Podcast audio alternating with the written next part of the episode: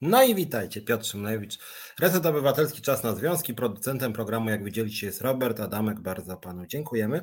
No, dzisiaj taką formułę przyjmuję, jaką przyjmuję mniej więcej raz na miesiąc, mianowicie mm, możecie mi zadawać jakiekolwiek pytania i staram się na nie odpowiadać precyzyjnie. E, to znaczy, wiecie, jak wyglądają konferencje z kluczowymi politykami w kraju, że na przykład pytają, nie wiem, platformy, e, co z wiekiem emerytalnym, a oni mówią, że wiele dobrego zrobili dla seniorów, albo pytają PiS, jak to jest, że e, bardzo dużo ludzi umiera na e, koronawirusa i kraj sobie nie radzi, to oni mówią o czymś zupełnie nie na temat, tak? I tak można pięć razy pytać, tak? Albo jaki chcecie model podatkowy, to oni mówią dobry dla ludzi, nie?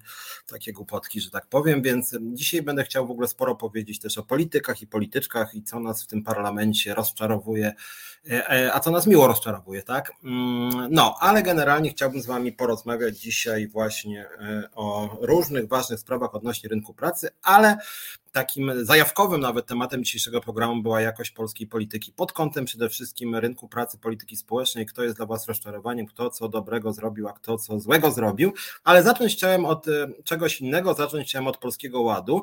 I powiem Wam też skąd ten dzisiejszy temat, żebyśmy pogadali o polityce, o której rzadko mówię takiej wprost partyjnej w tym programie. Mianowicie dzisiaj byłem, słuchajcie, w Sejmie od rana byłem w Sejmie 5 godzin i rozmawiałem z politykami i polityczkami Koalicji Obywatelskiej i Lewicy. Z jednymi i drugimi rozmawiałem o Polskim Ładzie. E, byli tam też przedstawiciele naszego związku e, Skarbówki na czele z Agatą Jagodzińską, która pewnie wpadnie tutaj za tydzień. No, ale chciałem Wam, e, może zanim przejdę do polityków, to powiem Wam trochę o Polskim Ładzie, bo to jest rzecz, która Was wszystkich, nas wszystkich właściwie dotyczy.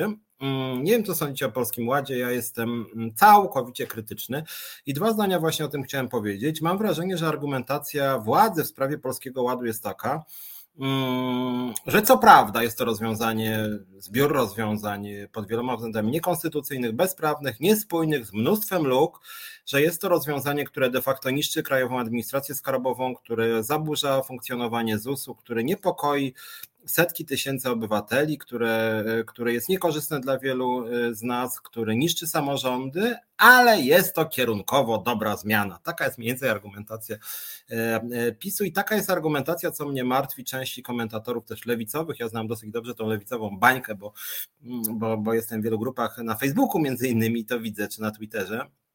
I rzeczywiście część osób, y, również y, komentatorów kojarzonych z lewicą, komentuje, że w sumie kierunek Polskiego Ładu wcale taki najgorszy nie jest. Szczerze powiedziawszy, ja się z tym nie zgadzam. Uważam, że to jest bubel prawny i to, że to jest bubel prawny, to nie jest margines. Tak? To znaczy, ja nie lubię takich głosów, że co prawda jest mnóstwo wad, ale ogólnie kierunek jest dobry. Tak jakbyśmy sobie powiedzieli, że na przykład co prawda w wyniku reformy umarło 10 tysięcy ludzi, co prawda państwo w ogóle przestało funkcjonować, co prawda wiele systemów się posypało, co prawda jest to kompletnie bezprawne, niekonstytucyjne, ale w sumie kierunkowo jest to niezłe. Tak? Znaczy wydaje mi się, że to słowo ale w tym przypadku e, w sprawie Polskiego Ładu jest tak dużo tych ale, że system e, jest, że reforma jest po prostu bardzo zła, że jest szkodliwa, że właśnie jest bezprawna i to nie są takie drobiazgi, tak?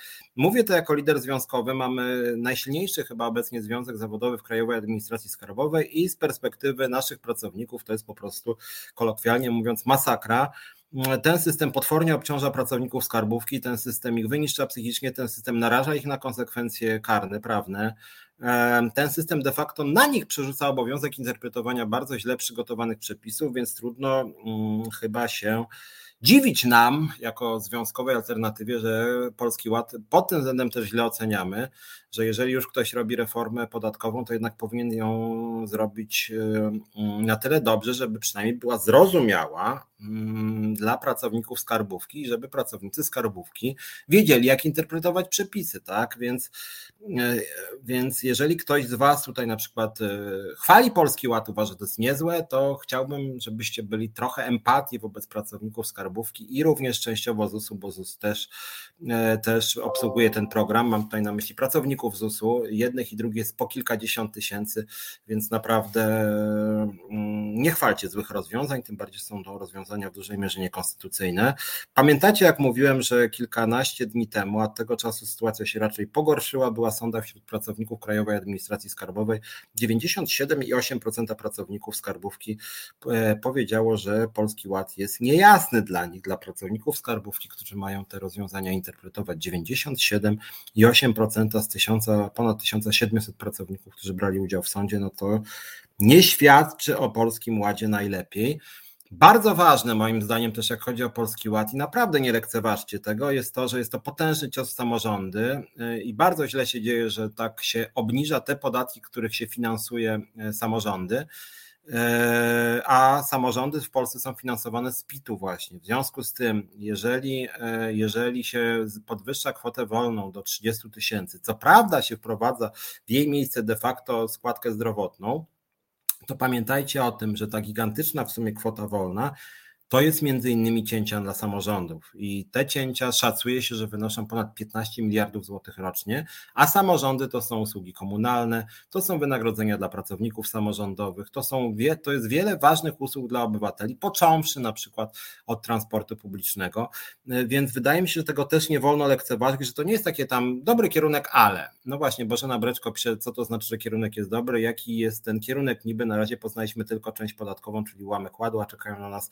pałacyki plus inne cuda, to też jest skądinąd właśnie część podatkowa, właśnie na przykład ulga na coś takiego jak pałacyki, tam jest dużo tego typu mętnych, dziwnych zapisów i generalnie całość, można powiedzieć, że oni tak zamieszali, żeby właśnie przemycić tam tego typu zapisy, które wychodzą na jaw na przykład po miesiącu od wejścia w życie ustawy, bo w korekcie do korekty do ustawy okazuje się, że pewne rzeczy sobie wpisali korzystne dla swoich nominatów, jak na przykład dla pana Obajtka. Mm, pamiętajcie, kiedyś była wielka afera z udziałem Czarzastego przy okazji zmiany przepisów e, ustawy o radiofonii i telewizji. Tam chodziło o jedno drobne słowo, tak podaj, tak i chyba tak. Więc tutaj tego typu i albo lub jest bardzo dużo e, i właśnie tego typu zmiany w przepisach polegają na tym, że nominaci władzy po prostu bardzo często zyskują. Tomasz Indrolewicz słusznie skądinąd pisze, że Kaczyński sam ocenił Polski Ład, zażądał dymisji. No właśnie, Tomasz pisze i czasopisma wtedy chodziło tak e, o pewne zmiany w ustawie radiofonii i telewizji, które zmieniały nieco strukturę polskiego rynku medialnego lub czasopisma, tak? E, natomiast tutaj takich zmian, które na przykład e, zmniejszają opodatkowanie przy remontach dworków jest sporo i takich rzeczy, takie rzeczy właśnie codziennie ostatnio wychodzą, tak jak Boże napisze, że pałacyki, takich, takich rzeczy jak Pałacyki Plus jest dużo takich cudów. No właśnie też mam takie poczucie, że takich cudów jest dużo, jest po prostu dużo rzeczy mętnych, nieokreślonych, niekorzystnych dla e, podatników, ale dla mnie ważny jest ten kontekst pracowników skarbówki, którzy muszą zajmować się interpretacją tych mętnych przepisów, na przykład przepis o tym, że, że nie będzie kar za pomyłki przy interpretowaniu polskiego ładu. No polski ład to, to, to, to zgodnie z przeforsowaną ustawą Polski Ład jest obowiązującym prawem podatkowym, więc jeżeli właściwie co, każda pomyłka na moją korzyść będzie e, miała być tolerowana przez fiskusa, że na przykład jak nie zapłacę w ogóle podatków, no moim zdaniem to są bardzo złe przepisy.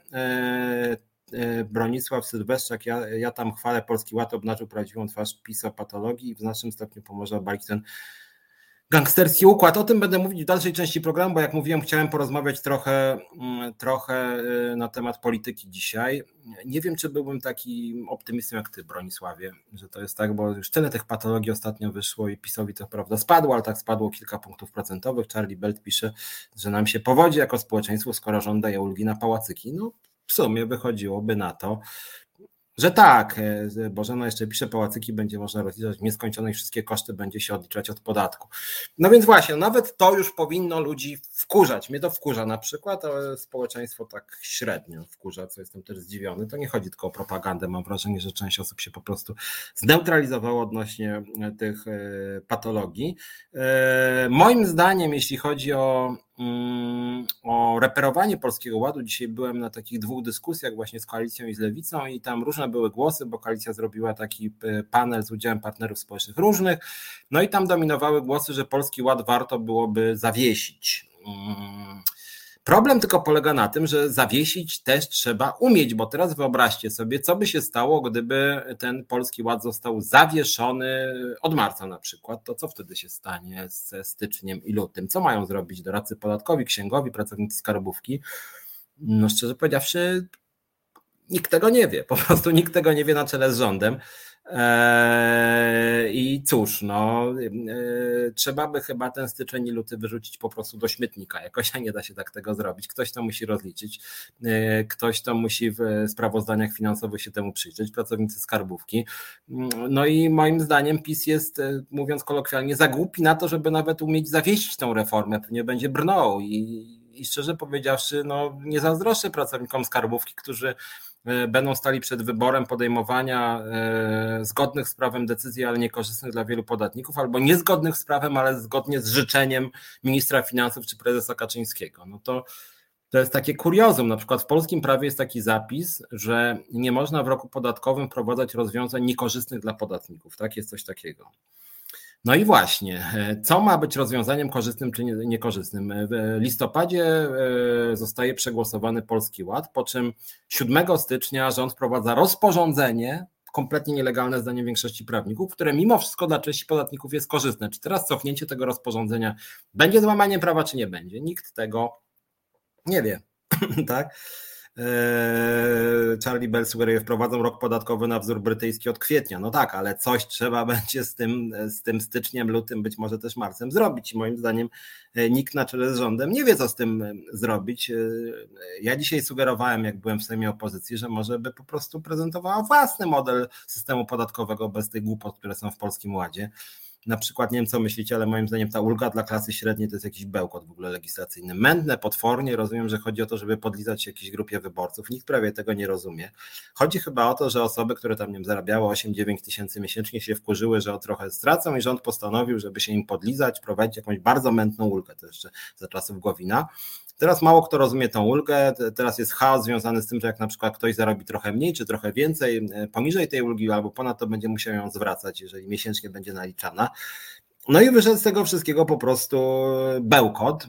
Mm, ważnym elementem, jeszcze jak już mówimy o tych sprawach, jest e, kwestia budżetu, który został mm, zaraz dzisiaj czy wczoraj podpisany przez pana prezydenta Dudę.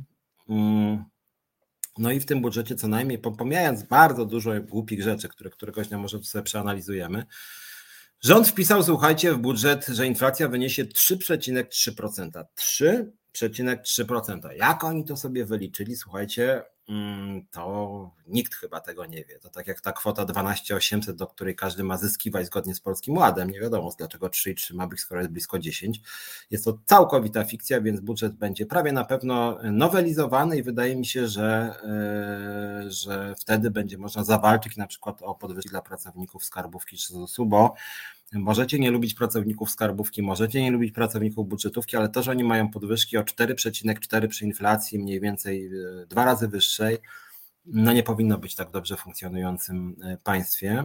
Mm, Guitar Jam Session e, porusza jeszcze temat obniżenia VAT-u, więc pozwólcie, mówiłem, że będę się odnosił do tego, co piszecie, więc z przyjemnością do tego się odnoszę. Guitar Jam Session pyta, co do obniżenia VAT, to czy ktoś już spoliczył, jakie będą ubytki w budżecie państwa.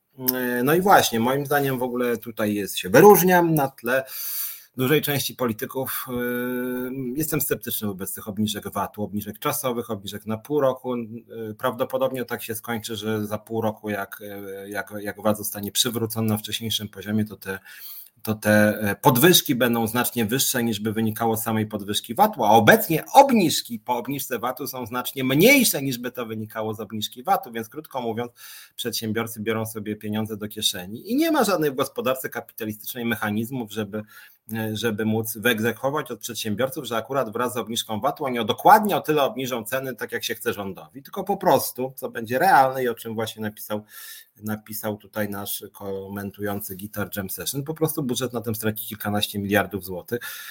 Więc moim zdaniem to nie są najlepsze rozwiązania.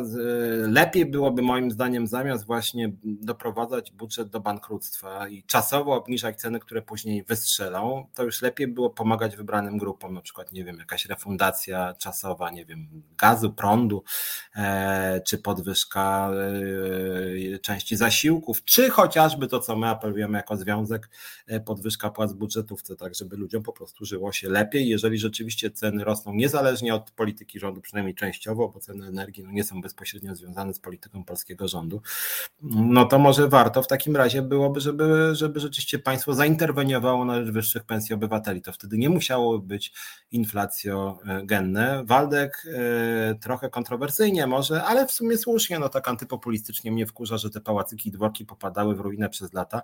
Każda wioska w Polsce ma lub niestety już miała taki obiekt, więc chyba lepiej, że ktoś chce takie budowle uratować, czy nie. Otóż Waldku, wydaje mi się z tego, co pamiętam, jak chodzi o konstrukcję tej ulgi, to nie chodzi o to, że mm, opodatkowuje się na przykład w momencie, kiedy państwo remontuje jakiś pałacyk czy samorząd, tylko chodzi o prywatne inwestycje. Więc to nie chodzi o to, że, że, że, że ktoś chce uderzać w remonty dworków zabytkowych, tylko chodzi o to, że tacy panowie jak Obajtek mają ulgi na ich prywatne inwestycje i to już jest dyskusyjne. Poza tym, wiesz, no, ludzie, którzy mają pałacyki i dworki, zazwyczaj w 99,99% to są ludzie raczej nieźle sytuowani. Polskie państwo znajduje się w dosyć opłakanym stanie. Na ochronę zdrowia wydajemy najmniej w Unii Europejskiej, więc nie wiem, czy jest dobrym pomysłem, żeby akurat robić ulgi na pałacyki i dworki. Są, wydaje mi się, bardziej pilne inwestycje i względem opodatkowanie e, inwestycji w pałace i dworki e, mogłoby się dobrze przysłużyć na innym polu, na przykład, żeby podnieść płacę właśnie, nie wiem, w policji cywilnej albo w Krajowej Administracji Skarbowej, albo żeby zmodernizować nieco ochronę zdrowia. Wydaje mi się, że to byłoby jednak lepszym kierunkiem znacznie, tak? Paweł e, Lewap, dajmy ulgę bogatym, w końcu najbiedniejsi, a potem panowie Lipkowie i tak powiedzą, że PiS to lewica. E, no tak, znaczy w ogóle ja nie rozumiem tej retoryki, że PiS to lewica, nie wiem co jest takiego lewicowego w PiSie, szczerze powiedziawszy. E, Darek Bielecki, PiSu żadna afera nie pokona, jedynie bankructwo państwa, ale połowa społeczeństwa nie rozumie, że to my poniesiemy konsekwencje, a nie politycy. Znaczy cóż, no PiS może pokonać społeczeństwo, więc no, no, społeczeństwo głosuje za PiSem, teraz to poparcie i od tego nawet chciałem zacząć ten wątek polityczny według ostatniego sondażu Kantar. Kantar nie jest jakimś partyjnym mm, partyjnym cebosem czy jakimś innym związanym z opozycją e, środkiem e, badania opinii. No i w ostatnim badaniu cebosów wynika, że Zjednoczona Prawica ma 27%, koalicja 26% i że łącznie opozycja ma dużo więcej niż Zjednoczona Prawica, więc coś się jednak zmienia. Mam wrażenie, że jednak te ostatnie afery Polski Ład plus totalna bezradność w walce, w cudzysłowie w walce z epidemią jednak odebrała PiSowi przynajmniej kilka procent poparcia. Mało, ale jednak odebrała, więc myślę, że dzisiaj PiS by jednak łącznie wybory przegrał po prostu, tak?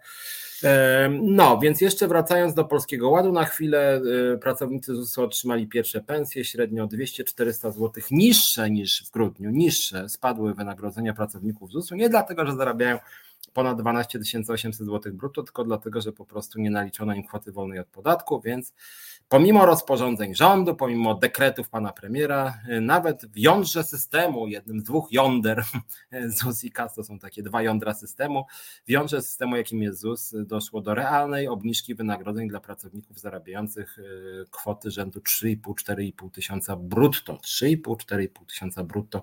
Tyle mniej więcej zarabia się w ZUSie, niektórzy jeszcze mniej bliżej płacy minimalnej i zdecydowana większość pracowników ZUS-u straciła netto, to znaczy te wynagrodzenia w styczniu pracownicy dostali niższe niż w grudniu, wbrew obietnicom pana premiera, wbrew obietnicom ministra e, finansów. Warto o tym mm, e, pamiętać. I jeszcze jedna uwaga odnośnie, odnośnie Krajowej Administracji Skarbowej e, i odnośnie tego, jak my działamy jako Związkowa Alternatywa. Ostatnio Ministerstwo Finansów zwróciło się do naszej liderki w skarbówce Agaty Jagodzińskiej, żeby była mniej krytyczna wobec Polskiego Ładu i bardziej pokorna. To była taka chyba jakaś miękka groźba więc my no, prosto mówimy, mówię to w imieniu swoim Agaty, nie boimy się Was, e, moi drodzy, natomiast jak już chcecie nam grozić, to przynajmniej róbcie to publicznie, w negocjacjach, w świetle kamer, proszę bardzo, tak? E, a my Wam możemy publicznie powiedzieć, że nam się po prostu Polski Ład nie podoba, to jest bubel prawny fatalnie zrobiony i bardzo szkodliwy e, dla pracowników skarbówki. E, Charlie Belt, e, poszedłem dzisiaj po chlebek do lokalnego sklepu, przed obniżką. Chleb kosztował 3,80, po obniżce kosztuje 3,80, markety z kolei wcześniej podniosły ceny. Też mam takie poczucie, że to jest tak zwany mechanizm obniżek polegający na tym, że najpierw się, tak jak ten Black Friday na przykład, tak, najpierw podnosimy cenę o 25%, a później obniżamy o 20% i uważamy, że to jest wielka promocja i mam wrażenie, że teraz też sklepy się dokładnie tak przygotowały jest to zgodne z prawem. No, znaczy, jakieś takie populistyczne obniżanie, obniżanie VAT-u, tak, znaczy mówię, straty dla budżetu są straszliwe. Mm, nie wiem, czy to jest dobre rozwiązanie. Dla państwa na pewno nie jest dobre. Mamy cały czas dramatyczną sytuację epidemiczną. Pieniądze w budżecie są potrzebne, są potrzebne na ochronę zdrowia, dla wsparcie dla seniorów, e, na wsparcie dla dzieci, na wsparcie na różnego rodzaju badania profilaktyczne bardzo jest dużo po prostu potrzeb na podwyżki dla pracowników budżetówki, na remonty dróg, na szkolnictwo, tak? No i wydaje mi się, że lepiej byłoby tutaj na to przeznaczyć pieniądze niż, niż, niż skokowo obniżać VAT i to jeszcze na parę E, miesięcy. Teresa Piaseczna pisze, że przy galopujących kosztach energii nie da się obniżyć cen, więc jeżeli nie da się obniżyć cen, to być może e, da się w jakiś inny sposób e, ludziom zrekompensować obniżkę realnych płac, czyli na przykład czy to poprzez podwyżkę płac, czy to po prostu, co wszyscy chyba Polacy czekają, wyższą jakość usług publicznych, tak? Maria Mrozek, panie Piotrze, proszę skomentować wysokość emerytury w zależności od ilości dzieci, czy liczby dzieci. Mm, no cóż, no jest to kolejny idiotyczny, idiotyczny pomysł e, władzy, dyskryminujący, niekonstytucyjny. Ja mam w ogóle też wrażenie, jako osoba, która nie ma dzieci, że ten rząd uznał, że takie osoby jak ja y, są jakoś dla tego kraju po prostu zbędne, czy po prostu dla tej władzy są zbędne. Ta władza mi właściwie nic nie oferuje i cały czas tylko ma być tak, że właśnie mam mieć niską pensję, niską emeryturę, mam mieć usługi publiczne niskiej jakości, tak? Y, a mam płacić podatki. I tu, jako socjaldemokrata, który jest za wysokimi, progresywnymi podatkami, mam z tą władzą kłopot, bo ta władza rzeczywiście niszczy państwo. Tak? Niszczy państwo. Jak ktoś mówi, dlaczego mam płacić podatki, skoro te podatki idą głównie na obsługę elektoratu pisowskiego, to niestety coraz bardziej jest prawda. To psucie państwa przez PiS jest, y, jest y, dla samego funkcjonowania państwa głęboko szkodliwe. No i właśnie takie propozycje jak uzależnianie wysokości emerytury w zależności od y, liczby dzieci, no to jest jakieś legislacyjne po prostu kuriozum, tak? Kuriozum totalne. Darek Bielecki przed obniżką VAT-u Biedronka podniosła cenę byk z 29 groszy na 35, po obniżeniu VAT-u cena bułki 33 grosze. No dokładnie mechanizm Black, Black Friday, tak? Eee, Tomasz Jędralewicz, wyobraźnia podpowiada dotowanie pałaców biskupich. No, no tak, dokładnie. Eee, I też Guitar Jam Session dodaje, że niezłe wałki wyjdą przez te ulgi na pałacyki. No już chyba wychodzą, tylko ta władza jest dumna z wałków. Mm, więc aktor e, świętej pamięci Siemion opowiadał, jak przez lata chciał kupić taki niszczający dworek. No ale proszę bardzo, jakby w Polsce nie ma zakazu kupowania dworków, tylko pytanie jest takie, czy akurat dworki to jest coś, co, na co powinna być szczególna ulga w momencie, kiedy, e, kiedy, e, kiedy rzeczywiście sytuacja kraju jest fatalna, kiedy pogarsza się sytuacja na rynku pracy, kiedy ochrona zdrowia pada, kiedy szkolnictwo pada też przez tego głupiego czarnka, e, kiedy opieka senioralna nie istnieje, no to dworki nie są produktem pierwszej potrzeby i można by je moim zdaniem trochę wyżej jednak opodatkować. Mm, Mariusz Wtulich, Orlen obniża ceny i kosi konkurencję, de facto może tych cięć nie odczuć. Eee, to znaczy, no, znaczy Morawiecki zrobił z, z Obajtkiem propagandowy cyrk, e, tym bardziej, że jeśli chodzi o porównanie tego, co jest, e, co jest e, w polskich stacjach benzynowych do cen światowych na rynkach ropy naftowej, to te, te ceny w Polsce i tak są relatywnie wysokie, więc tutaj to, jest, to nie jest taka prosta sprawa. Natomiast generalnie rzecz biorąc, tak jak powiedziałem, jeżeli jeżeli inflacja częściowo wiąże się ze wzrostem energii na rynkach światowych, czyli jest to niezależne w tym wypadku od czynników polskich, no to w takim razie może władza by zrobiłaby coś, nie żeby obniżać VAT, co część przedsiębiorców wykorzysta do podniesienia cen, tylko że po prostu, żeby wesprzeć obywateli poprzez wyższe pensje, poprzez wyższą jakość usług publicznych, to myślę, żeby dla e, ludzi było Dobre. Waldek jeszcze pisze odnośnie dworku. Biedny nie kupi takiego dworku, bo to nie zła skarbonka, konserwator zabytków itp., więc chwała tym ludziom, którzy kupują takie obiekty i ładują swoją kasę w remonty. No to niech sobie kupują po raz trzeci, ale niech płacą podatki. No. Pieniądze są potrzebne na przykład dla ludzi umierających w szpitalach. No to jest troszkę, troszkę ważniejsza sprawa. Mariusz, też nie mam dzieci, ta władza podjęła za mnie decyzję. Amen, amen, to u mnie chlebek kosztuje od dłuższego czasu tyle samo, tylko waży coraz mniej. No tak. E, Bożena Breczko, dziś rano minister Ozdoba tłumaczył, że jeśli nawet ktoś z powodu ulgi dla średniaków będzie musiał zwrócić, to najwyżej 2000, a to przecież nieduża kwota. No, czy oni są nieźle swoją drogą rzeczywistości e, oderwani w tym rządzie, więc to warto o tym pamiętać. No dobra, e, zaraz wrócę do Waszych pytań, tylko chciałem jeszcze tak stopniowo dołączać nowe wątki do naszej dyskusji, żeby jednak tak powiedzieć Wam, co się dzieje i co jest dla mnie też ważne i ciekawe i też moglibyście te wydarzenia komentować. Ostatnio jako związkowa alternatywa w ZUS odnieśliśmy pewien nazwijmy to sukces. Nie pamiętam, chyba tydzień temu Wam mówiłem, że napisaliśmy list do e, Państwowej Inspekcji Sanitarnej, żeby przeprowadziła kontrolę przestrzegania przepisów BHP w ZUS-ie. Chodziło przede wszystkim o kwestie koronawirusowe, chodziło o to, że tłumy tam są, że, że, że nie ogranicza się w ogóle liczby osób i rzeczywiście yy, inspekcja sanitarna zareagowała, takie kontrole będą. O, więc to jest też jakiś sukces, że być może rzeczywiście będzie większa troska o pracowników ZUS-u i o ich po prostu, yy, o ich klientów, o tych, te osoby, które do ZUS-u przychodzą. Ciekawa sprawa w naszym związku w Świdnicy, Związek Zawodowy Świdniczej niedawno taki przystąpił. No, jest taka kwestia, słuchajcie, ciekawe tak na marginesie.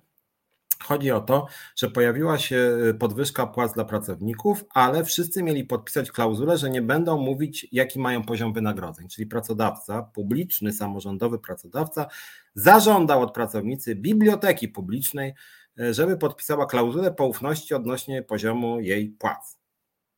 Niesamowite, prawda?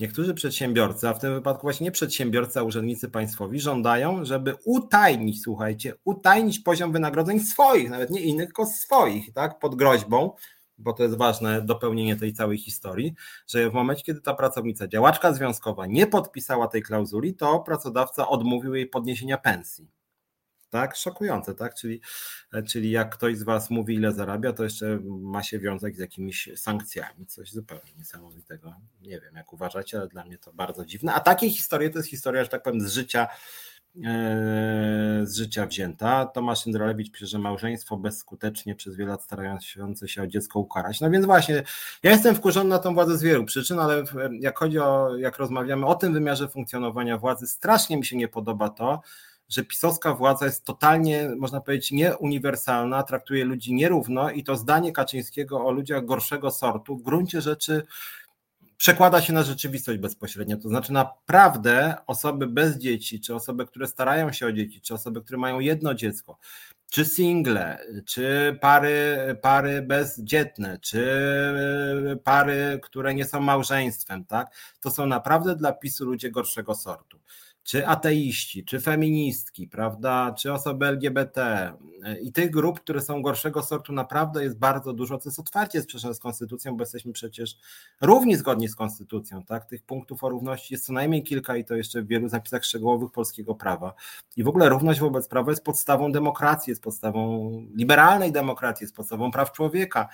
I rzeczywiście na wielu obszarach PiS traktuje nas nierówno. Ma osoby lepszego sortu i gorszego sortu i to widać po prostu na stu poziomach, tak? Nawet to, jak oni konstruują granty, sprawdzałem ostatnio granty naukowe, no to dostaje strasznie dużo dla katolickich placówek, na przykład Czarnek przyznaje. No i nawet tutaj, tak, albo to, że Czarnek sobie zrobił konkurs w pewnym momencie, że trzeba napisać pracę, zdaje się, że magisterka albo doktorat na tematykę narodowo-katolicką i z tej dziedziny dostaje się kasę po prostu. No, akurat teraz czarnka wymieniam, ale to jest wszędzie po prostu, tak? I to się przekłada też na politykę podatkową, tak? Różnego rodzaju świadczenia dla małżeństw z kilkoma dziećmi, tak? A ja mówię, jak ktoś nie ma dzieci, to już nie ma świadczenia. No to nie jest sprawiedliwe. Mm, Waldek pisze, że powinna być ulga, bo to zwykłe zabytki i nasze dziedzictwo. Nie, jak chodzi o zabytki, to akurat jest odrębne prawo e, i remonty zabytków są finansowane z pieniędzy publicznych. My mówimy tutaj o inwestycjach prywatnych i na te inwestycje prywatne, patrz Obajtek, władza wprowadziła sobie ulgi, z tego co ja przynajmniej e, wiem i pamiętam. E, Charlie Belt odnośnie tej, tej tarczy antyinflacyjnej, Kaufland podno, podnosił ceny wszystkiego co na 5%, a teraz szumnie obniżają, czego skutkiem jest wyższa cena podjęcia podjęciu VAT-u, który przecież wróci jeszcze te ceny podbije. Tak PiSior ograniczyły inflację. Znaczy moim zdaniem też, szczerze powiedziawszy, tak dokładnie jest, dlatego ja jestem sceptyczny wobec tej czasowej obniżki VAT-u, tym bardziej, że jak powiedziałem, skutki dla budżetu mogą być opłakane, w sytuacji śmiertelnej cały czas epidemii nie należy moim zdaniem ciąć wydatków państwa i nie należy niszczyć samorządów i po prostu potrzebne jest sprawnie działające państwo, no, którego nam PiS, jak wiemy, no nie oferuje. No to jest akurat przykre. E, Darek Bielecki wczoraj Kaczyński kolejny raz wykiwał opozycję, a teraz siedzi z kotem i się śmieje. No nie wiem, czy jesteś pewny, że akurat wykiwał opozycję. No nie wiem, może ja jestem jakiś oryginalny, ale wydaje mi się, że PiS się jednak trochę ośmieszył, tak, tym, że po prostu mamy śmiertelną epidemię od prawie dwóch lat, a oni albo nie robią nic, albo przedstawiają buble prawne, które sami uwalają. No, ta ustawa, która była broniona przez samego Kaczyńskiego, no jednak był twarzą tego dziwnego projektu, no to był jakiś totalny bubel prawny, tak, że co, że w przedsiębiorstwie o, testujemy na koronawirusa i jak ktoś się zarazi koronawirusem, to może wskazać pracownika, który mógł go zarazić, o ile y, tego, który nie był testowany, tak, i może nawet trzech wskazać, tak, jakieś idiotyczne zupełnie. To nie chodzi o jakieś tam, że donosicielstwo, tylko chodzi o to, że to jest bez sensu po prostu, no bo kto może wiedzieć, jaki lekarz stwierdzi, czy ja się zaraziłem od kolegi z pracy, później rozumiem, byłyby tysiące spraw sądowych, kolega z pracy by wnioskował, że na przykład y, nie widział mnie, y, bo siedzimy w innych pokojach, albo że widział mnie tylko raz y, w toalecie, z drugiej strony ten, który by go oskarżał, nie wiem co, robiłby nagrania i by dowodził, że na przykład kamera pokazała, że jednak się minęli i mógł się zarazić od niego. Znaczy to jest idiotyczne na poziomie technicznym nawet po prostu. Znaczy to jest taki bubel prawny, że wygląda faktycznie tak, jakby to chcieli, żeby to nie przeszło. Tylko pytanie, dlaczego Kaczyński to firmował? Dla mnie to to jakieś bardzo dziwne, zupełnie jakieś kretyńskie rozwiązanie, to już lepiej trzeba było wprowadzić. Ja jestem zwolennikiem tego, żeby po prostu w pracy sprawdzać, kto jest zaszczepiony. Tak, to ma sens, tak? Jesteś zaszczepiony, wchodzisz do pracy, nie jesteś, nie wchodzisz do pracy. Jeżeli PiS chciał inaczej, bo nie wiem, z jakichś dziwnych, nieznanych dla mnie przyczyn nie lubi szczepionek, no to niech przynajmniej wszystkich testuje. Jak ktoś nie chce się przetestować, no to niech nie wchodzi do pracy. Chce, to niech wchodzi. No, proste rozwiązania konkretne, jakieś wygłupy, jakieś donoszenie, którym ktoś będzie sprawdzał, czy naprawdę pracownik mógł zakazić pracownika i później, nie wiem, trzy lata przed sądem, no przecież to jest jakiś kompletny idiotyzm. Znaczy nie wiem, jaki debil to wymyślił. Zszokowany jestem mimo wszystko. I zszokowany jestem tym, że jednak Kaczyński to firmował. Hmm. Maria Mrozek, historia z dworkami brzmi dla mnie jak hasło nie mają chleba, niech jedzą ciastka. No tak, trochę tak, no tylko właśnie te ciastka y, dworkowe to, to nawet to, takie bym powiedział drogie ciastka. Mm, y, no tak, to raczej klęskę w Sejmie poniósł z Waldkiem, się zgadzam. Kaczyński moim zdaniem jednak przegrał, to wizerunkowe słabe bardzo. Mm, śmieszne jest też to, że on faktycznie chce teraz, y, teraz chce zwalniać ludzi za polski ład, przecież to największa reforma w historii Polski, w ogóle najlepsza, tak? E, Maria Mrozek, to jest bardzo słuszny komentarz. Jednostka dla władzy się nie liczy, tylko rodzina. Nie wiem, Maria, czy pamiętasz? E, kiedyś mógłbym to odkopać. W 2010? E, poszukam. Była konstytucja, alternatywna konstytucja Prawa i Sprawiedliwości. PiS chciał zmienić konstytucję RP radykalnie i ten model konstytucji pisowskiej był właściwie dosyć faszystowski. Znaczy mówię o kształcie, bo y, mówię faszystowska, dlatego że y, szczególnie w Niemczech faszystowskich, nazistowskich, rzeczywiście y, wszystkie rozwiązania prawne i też retoryka, główne słowa to był naród i rodzina. To były takie dwa pojęcia, które Hitler i jego kompanii uwielbiali. Nie, jednostka się nie liczyła, liczył się dumny niemiecki naród i dumna niemiecka rodzina, oczywiście zakaz aborcji, wiele dzieci, prawda, więzi z ziemią, tak i ta konstytucja pisowska retorycznie była tutaj zbliżona, to znaczy y, jednostkę zastąpiła rodzina i, y, i naród, nawet nie państwo, a naród właśnie. I tam jest mnóstwo w tym modelu pisowskiej konstytucji takich właśnie zapisów o tym, że właśnie nie ma praw człowieka, są prawa rodziny właśnie, a wiadomo, że właśnie głową rodziny w tym pisowskim modelu jest ojciec, jest mąż, jest mężczyzna, prawda? Kobieta jest od tego, żeby siedzieć w domu i wychowywać dzieci, tak? I tak też są skrojone te rozwiązania prawne, tak na marginesie, e, tak na marginesie to wiązanie wysokości emerytury z liczbą dzieci, że dzieci jak rozumiem mają wypracować mi emeryturę, to jak? To, to rozumiem, jak ktoś by miał na przykład trójkę dzieci, dziewczynek, no to miałby problem, dlatego że zgodnie z pisowskim modelem dziewczynki no nie powinny pracować, tylko powinny się zajmować dla odmiany swoimi dziećmi. A mówię to nie przez przypadek, dlatego że różnica w Polsce między aktywnością zawodową kobiet i mężczyzn już wynosi około, jeśli dobrze pamiętam, 17 punktów procentowych, oczywiście na korzyść mężczyzn. Mężczyźni są znacznie częściej aktywni zawodowo i to jest zgodne z polityką tej władzy. Polska jest tutaj w czwórce chyba najbardziej mm, zróżnicowanych płciowo, że tak powiem, społeczeństw Unii Europejskiej, najbardziej patriarchalnych, e, gdzie jest największa różnica między aktywnością zawodową kobiet i mężczyzn. W Polsce jest także 17 punktów procentowych mężczyzn więcej pracuje niż kobiet i, i 17 punktów procentowych mężczyzn y, więcej niż kobiet jest aktywnych zawodowo. Bo jak wiecie, aktywność zawodowa to jest trochę co innego niż e, praca, e, bo wśród kobiet jest bardzo dużo nie bezrobotnych, tylko po prostu biernych zawodowo. To są te kobiety między innymi, które zajmują się e, dziećmi i te różnice niestety w ostatnich latach wzrosły. Mamy dramatyczny rozwój między kobietami i mężczyznami i to jest część właśnie tej pisowskiej polityki społecznej, Rodzina jest podstawową komórką społeczną, a guru, głową rodziny jest właśnie mąż, ojciec pracujący, tak? A kobieta ma siedzieć w domu,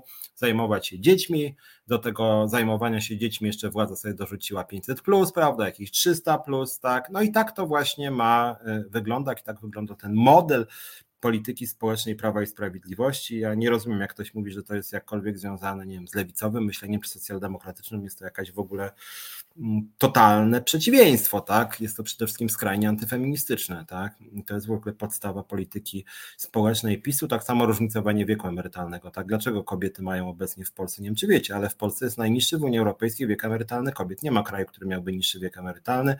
E, wszędzie już e, albo już się zrównało wiek emerytalny kobiet i mężczyzn, albo w planie najbliższych lat ma być zrównany. Wszędzie wiek emerytalny kobiet jest wyższy. Czy to dobrze? Szczerze powiedziawszy, jako związkowiec uważam, że tak. To znaczy, e, nie wiem dlaczego kobiety miałyby wypadać z rynku w wieku 60 lat, żyjąc średnio prawie 85, czy 82, ile dobrze pamiętam. Tylko po prostu powinny być godne warunki pracy powinna być praca. Na przykład y, po przekroczeniu pewnego wieku, na przykład 60, mogłoby być krótszy czas pracy dla seniorów za tą samą pensję, tak, jakoś dzielony, mogłoby być nie, nie, nie pięciodniowy tydzień pracy, tylko cztero, albo nie ośmiogodzinny tydzień pracy, tylko na przykład sześcio.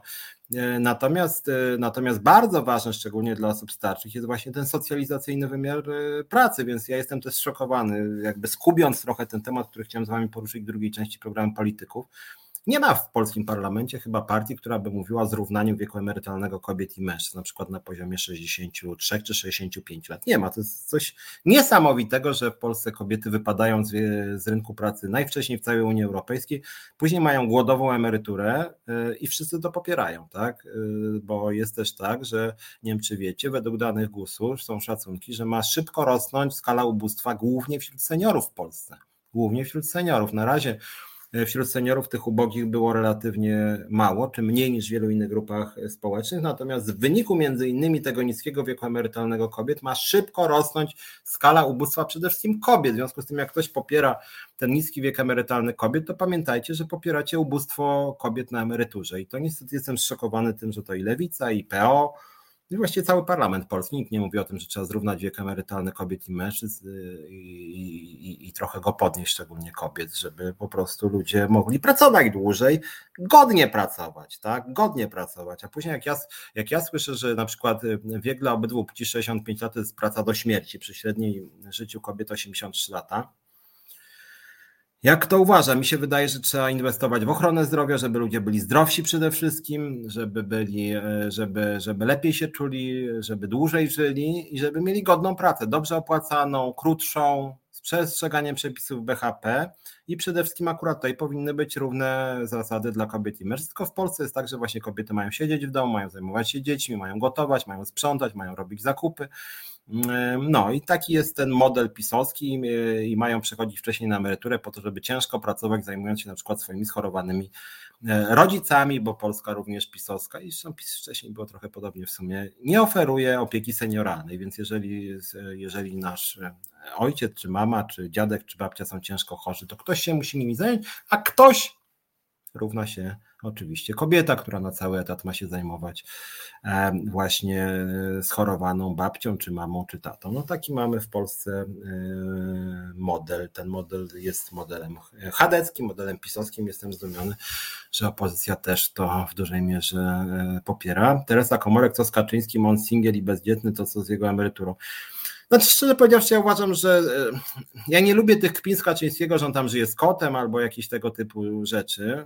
To są brzydkie kpiny, każdy ma prawo być singlem. Natomiast ja bardzo nie lubię hipokryzji. W związku z tym, jeżeli partia Kaczyńskiego mówi, że normalny człowiek żyje w rodzinie, w małżeństwie, ma trójkę dzieci, a ich szef jest singlem, no to to jest hipokryzja, irytujące. Tak samo muszę wam powiedzieć, że bardzo mnie w sumie rozbawiła i ucieszyła ta afera z Ordo Juris, bo wyszła cała ich hipokryzja na wierzch, cała ich to, to, to chrzanienie, że właśnie trzeba zakazać rozwodów, że trzeba nieść krzyż, że, że, że, że, że to jest standard, że właśnie tylko z jedną osobą całe życie, po czym się okazuje, że oni tego w ogóle nie przestrzegają, że ich wiceszef uważa, że to jest, jak chodzi o niego, nierealistyczne zupełnie, że jednak rozwody powinny być odnośnie ich, więc rzeczywiście bardzo się cieszę, że Ordo Juris się totalnie skompromitowało i to jest rzeczywiście potężny cios i cieszę się, że się wiją. Mm. I w sumie y, dziwię się trochę, że tak mało jest dyskusji o na przykład Kościele katolickim, który też jest bardzo w tej hipokryzji pogrążony i odnośnie PiSu też, tak? No to, że mają lidera singla i prowadzą bez przerwy politykę, która jest nakierowana na y, małżeństwa z czwórką dzieci, gdzie bez przerwy powtarzają wszędzie te wszystkie ziobry i inne, że to w ogóle jest normalna rodzina, to chłopak, dziewczyna i czwórka dzieci. To co Kaczyński jest nienormalny? No nie moim zdaniem. Ma prawo być singlem. Ja zupełnie nie mam nic przeciwko, tylko bądźmy konsekwentni. Jeżeli wasz lider ma prawo tak żyć, to inni mają prawo tak żyć i, i ci inni też mają prawo być e, w jakiś sposób doceniani przez polskie państwo. A nie są, tak? Mm, setki tysięcy singli, osób żyjących w związkach nieformalizowanych, bez dzieci czują się dyskryminowani. I to nie jest moim zdaniem uczciwe. To jest właśnie państwo, które traktuje połowę społeczeństwa jako ludzi gorszego sortu. Mm. Charlie Belt, feministka, która nie chodzi do kościoła i dokonała aborcji, ale zagłosowała na pisma dla nich wartość. Chyba takich niewiele jest, Charlie. Raczej zdziwiłbym się takiej feministy swoją drogą. Eee, Darek Bielecki, czy to była ustawka z tym głosowaniem odnośnie ustawy covidowej, ale jaka to jest e, ustawka? No jednak trochę się moim zdaniem Darku nie zgadzam z tym. Wydaje mi się, że jednak tutaj Kaczyński się trochę śmieszył. Hmm. E, Tomasz pisze Szyndralewicz, że Kaczyński się zabezpieczył finansowo i sobie bimba. No to akurat jak każdy dyktator, czy, czy, czy taki autorytarny władca. Natomiast no, jest to jednak, e, jest to jednak e, charakterystyczne dla takich autorytarnych władców, że się właśnie zabezpieczają finansowo. E, z tymi pałacykami Elżbieta Wyderska pisze, to jeszcze można zrobić odliczenie do 100% dochodu. Jest to co najmniej dziwnie dla kogoś napisane, moim zdaniem. Znaczy, ja też uważam, że jednak jest to dziwne i jest to jakieś, nie wiem, faworyzowanie takich panów jak Obajtki. Chciałem jeszcze przed przerwą, zanim do tych polityków przejdę, których obiecywałem, że pogadam z wami trochę o politykach, chciałem powiedzieć o ustawie o handlu w niedzielę, która weszła, który dzisiaj jest trzeci, trzeci chyba, czy drugi? Drugi, drugi, drugi. Wczoraj, słuchajcie, weszła nowelizacja ustawy o handlu w niedzielę, więc zarzucam kolejny temat, na który możecie tutaj się wypowiadać. Moje stanowisko pewnie znacie, bo je powtarzam od jakiegoś czasu, ale mamy jednak ważną chwilę, że rzeczywiście wchodzi nowelizacja przepisów.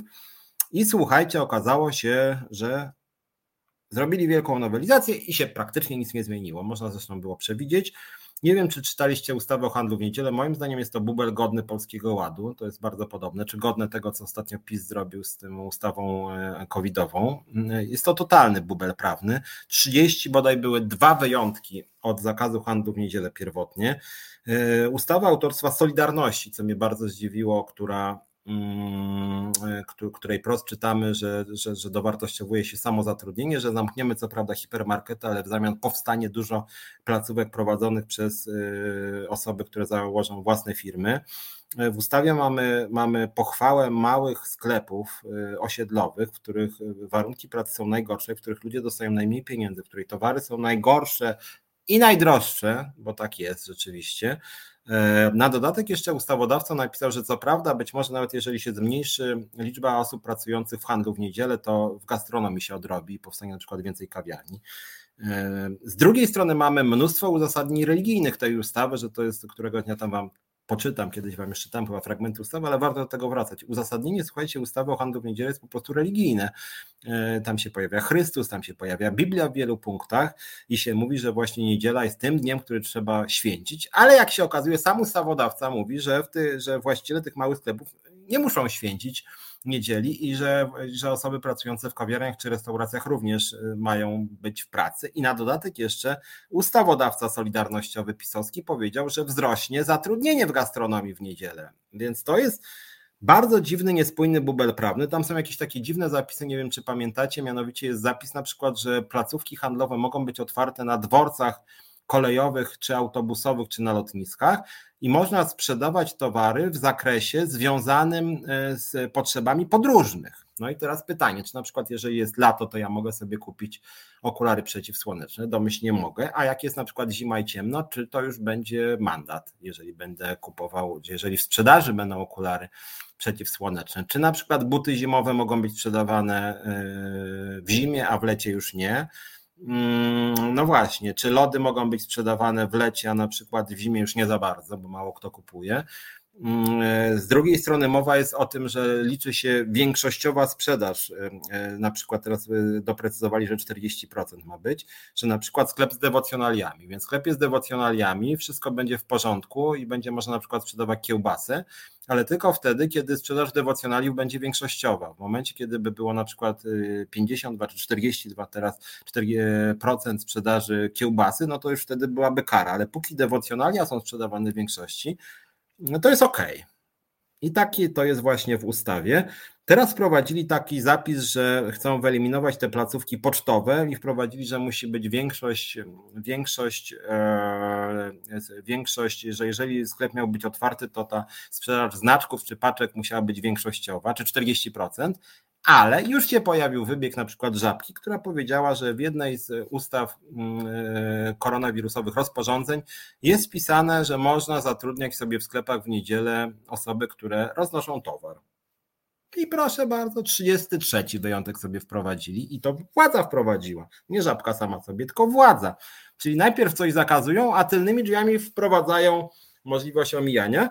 No i plus się pojawiła jeszcze kuriozum dla mnie, jedno z największych kuriozów ostatnich, ostatnich lat polskiego ustawodawstwa, naprawdę chyba jeszcze bardziej absurdalny niż polski ład, mianowicie e, zasada, że co prawda niedziela jest dla Boga i rodziny, ale zgodnie z, ze zmianami ustawy o handlu w niedzielę Właściciel sklepu może za darmo, słuchajcie, zatrudniać członków swojej rodziny, małżonka, dzieci, rodziców, macochę, ojczyma, rodzeństwo, wnuków, dziadków, tak? Więc można dziadków zatrudnić, żeby za darmo pracowali w moim sklepie. Za darmo. Nawet nie płacę minimalnie, tylko po prostu za darmo. To tak na marginesie tej y, wsparcia dla rodziny. Tak, rodzina ma od rana do nocy siedzieć w sklepie, na przykład ojca despoty, tak, który całą rodzinę sobie Y, sobie zatrudni, zatrudni w sklepie i oni wszyscy będą na niego pracować i on nie będzie nawet musiał im wypłacać pensji. No to jest rozwiązanie feudalizm plus bym powiedział, jakiś, nie wiem. To jest dopiero hardcore, moim zdaniem. Coś tak absurdalnego to chyba tylko Solidarność z PiSem mogła wymyśleć. Niesamowita zupełnie głupota jakaś. Można by to zgłosić do Trybunału Konstytucyjnego, no tylko, że Trybunału nie ma i tak to właśnie wygląda, że taka kretyńska ustawa, strasznie antypracownicza i oni mówią, że oni zakazują handlu w niedzielę, mówiąc, że właściciel może całą rodzinę zatrudniać za darmo, nie?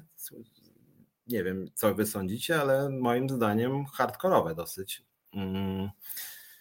Eee, tutaj widzę, że piszecie o tej porażce Kaczyńskiego. Eee, Tomasz Szyndralewicz, kuchnia, kościół, dziecko. No tak, tak wygląda właśnie trochę ta polityka Prawa i Sprawiedliwości. Mm. Wojtek Polak, przepraszam bardzo, ale każdemu członkowi wielkiej rodziny PiS, tak ciężko pracującym dla naszego dobra, pałacyk należy się jak psu Buda, biskupom nawet po kilka, dzięki im będziemy przecież zbawieni. Tak na marginesie, Wojtku, jak chodzi już o to prawo, to pałacyki czy dworki są oddawane przez, yy, przez władze samorządowe niekiedy kościołowi z bonifikatą 99%, właściwie do dzisiaj niestety przez wiele władz tak było nie tylko przez pisowską. Tak, no, ale to jest inny temat, nie chciałem się o tym mówić.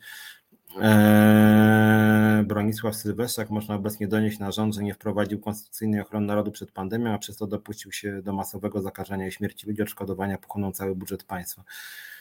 To jest bardzo trudne legislacyjnie, jak chodzi o to i właśnie no to, to jest po prostu odpowiedzialność, odpowiedzialność państwa, że ma fatalną, fatalną politykę pandemiczną.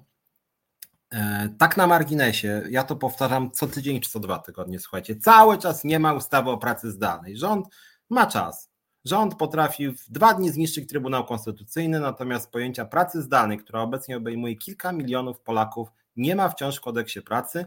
Tak na marginesie jeszcze właśnie o podrzucę jeden ważny temat ciekawy, nie wiem co sądzicie. Ostatnio Związkowa Alternatywa wpadła na taki pomysł, e, który jest mi bardzo bliski, mianowicie, żeby wprowadzić do kodeksu pracy mm, zapisy, zgodnie z którymi e, włączenie komórki służbowej po godzinach pracy czy odpowiadanie na maile służbowe są traktowane jak godziny pracy, tak? Czyli jeżeli pracuję od 8 do 16 i jestem pod telefonem dla pracodawcy, to dostaję kasę za czas, w którym jestem pod telefonem i żeby to wpisać obowiązkowo E, w umowę o pracę, tak? Nie wiem, czy wiecie, obecnie pojęcie dyspozycyjności w ogóle nie jest obecne w polskim kodeksie pracy, są tylko dyżury, to jest zupełnie co innego. E, I w momencie, kiedy ja, ja mam być dyspozycyjny 24 godziny na dobę, że mam włączony telefon i czekam drżąc, czy pracodawca do mnie nie zadzwoni, to to jest traktowane jako po prostu czas wolny. No ja dziękuję za taki czas wolny, e, więc my jako Związkowa Alternatywa zdecydowanie będziemy walczyć i domagać się, żeby przy okazji być może właśnie dyskusji o pracy zdalnej, no wydłuża się to strasznie, ale może w pewnym momencie jednak wejdzie, żeby wprowadzić właśnie, to się nazywa w Unii Europejskiej właśnie prawo do bycia offline, prawo do bycia poza systemem, prawo do wyłączenia się, wyłączenia komórki służbowej, wyłączenia, wyłączenia komputera, nieodbierania maili służbowych. Uważam, że to jest bardzo dobra zasada. Jeżeli pracodawca chce, żebym odbierał komórki służbowe na przykład od 8 do 20, to jest 12 godzin pracy, nie 8. E, I moim zdaniem warto coś takiego wprowadzić, więc też rzucam taki temat, który my staramy się nagłaśniać. Tak na marginesie są dane międzynarodowe, zgodnie z którymi mm, pracownicy pracujący zdalnie znacznie dłużej pracują i bardzo często im godzin, nadgodziny w ogóle nie są e, naliczane, więc tutaj warto by zmienić definicję nadgodzin i właśnie ten czas, kiedy odbieram komórki, e, telefony służbowe, czy odpisuję na maile służbowe, żeby to była część czasu pracy. Darek Bielecki, bo w Polsce mamy tylko harować, a emerytura na cmentarzu. To znaczy, nie, znaczy problem polega na tym, że w Polsce jest taki model, że kobiety mają harować całe życie, tylko mają bardzo wcześnie wypadać z rynku pracy i bardzo wcześnie mają, mają wcześnie wypadać i mają bardzo szybko, jak chodzi o początek ich kariery zawodowej, wypadać, bo mają rodzić szybko dzieci, a później mają wcześniej wypadać, bo mają zajmować się rodzicami czy, e, czy dziadkami, tak? I pod tym względem mają harować w domu, mają zajmować się dziećmi, mają zajmować się seniorami. I wydaje mi się, że znacznie lepszym modelem jest to, żeby państwo wzięło na siebie usługi publiczne, państwo się zajmowało w dużej mierze opieką dzieci, opieką seniorów, a żeby ludzie mogli się też rozwijać zawodowo, żeby warunki pracy były znacznie bardziej bezpieczne, żeby krótsza była praca, lepiej opłacana, ale żeby jednak ludzie pracowali o tyle, że są nawet ma czynniki socjalizacyjne bardzo ważne. Tak? Często, często, często ludzie, którzy, którzy są skupieni na pracy domowej, też wypadają z więzi towarzyskich, są wyalienowani, są przez to nieszczęśliwi, więc myślę, że to jest akurat e, taki bardzo ważny element. Hmm. Maria Mrozek, urzędy pracy powinny oferować możliwość przekwalifikowania się kursy dla starszych, szczególnie dla kobiet. To znaczy w Polsce urzędy pracy to w ogóle jest odrębny temat, one funkcjonują słabo i w ogóle bardzo słabo państwo funkcjonuje, bo na przykład w Szwecji w pewnym momencie ten potężny taki ruch na rzecz zatrudnienia kobiet i w ogóle dzisiaj, dzisiaj Szwecja jest krajem, w którym jest najmniejsza w Europie, jedna z najmniejszych różnic w aktywności zawodowej kobiet i mężczyzn.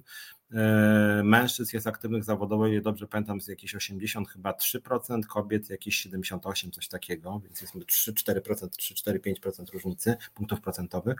E, e, natomiast rzeczywiście tam państwo tworzy miejsca pracy, samorządy tworzą miejsca pracy, powstają bardzo dobrze płatne miejsca pracy w sektorze opieki, tak, w sektorze opieki senioralnej, w sektorze opieki dziecięcej i rzeczywiście to sprawiło, że kobiety dostały dobrze płatne, stabilne miejsca pracy, a w Polsce nawet jeżeli już jest miejsca pracy w sektorze opieki, to są miejsca pracy śmieciowe, niskopłatne, tak, o niskim prestiżu społecznym, co jest w ogóle niesamowite, bo praca opiekuńcza jest strasznie odpowiedzialna i strasznie ciężka, więc dla mnie to w ogóle uważać, że to jest jakaś praca wymagająca niskich kwalifikacji, no dziwię się ludziom, którzy tak uważają, więc, więc tutaj zdecydowanie, zdecydowanie e, tak.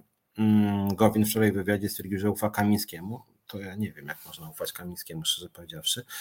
Eee, czemu akurat w niedzielę, czemu nie w poniedziałek, pyta Charlie Belt.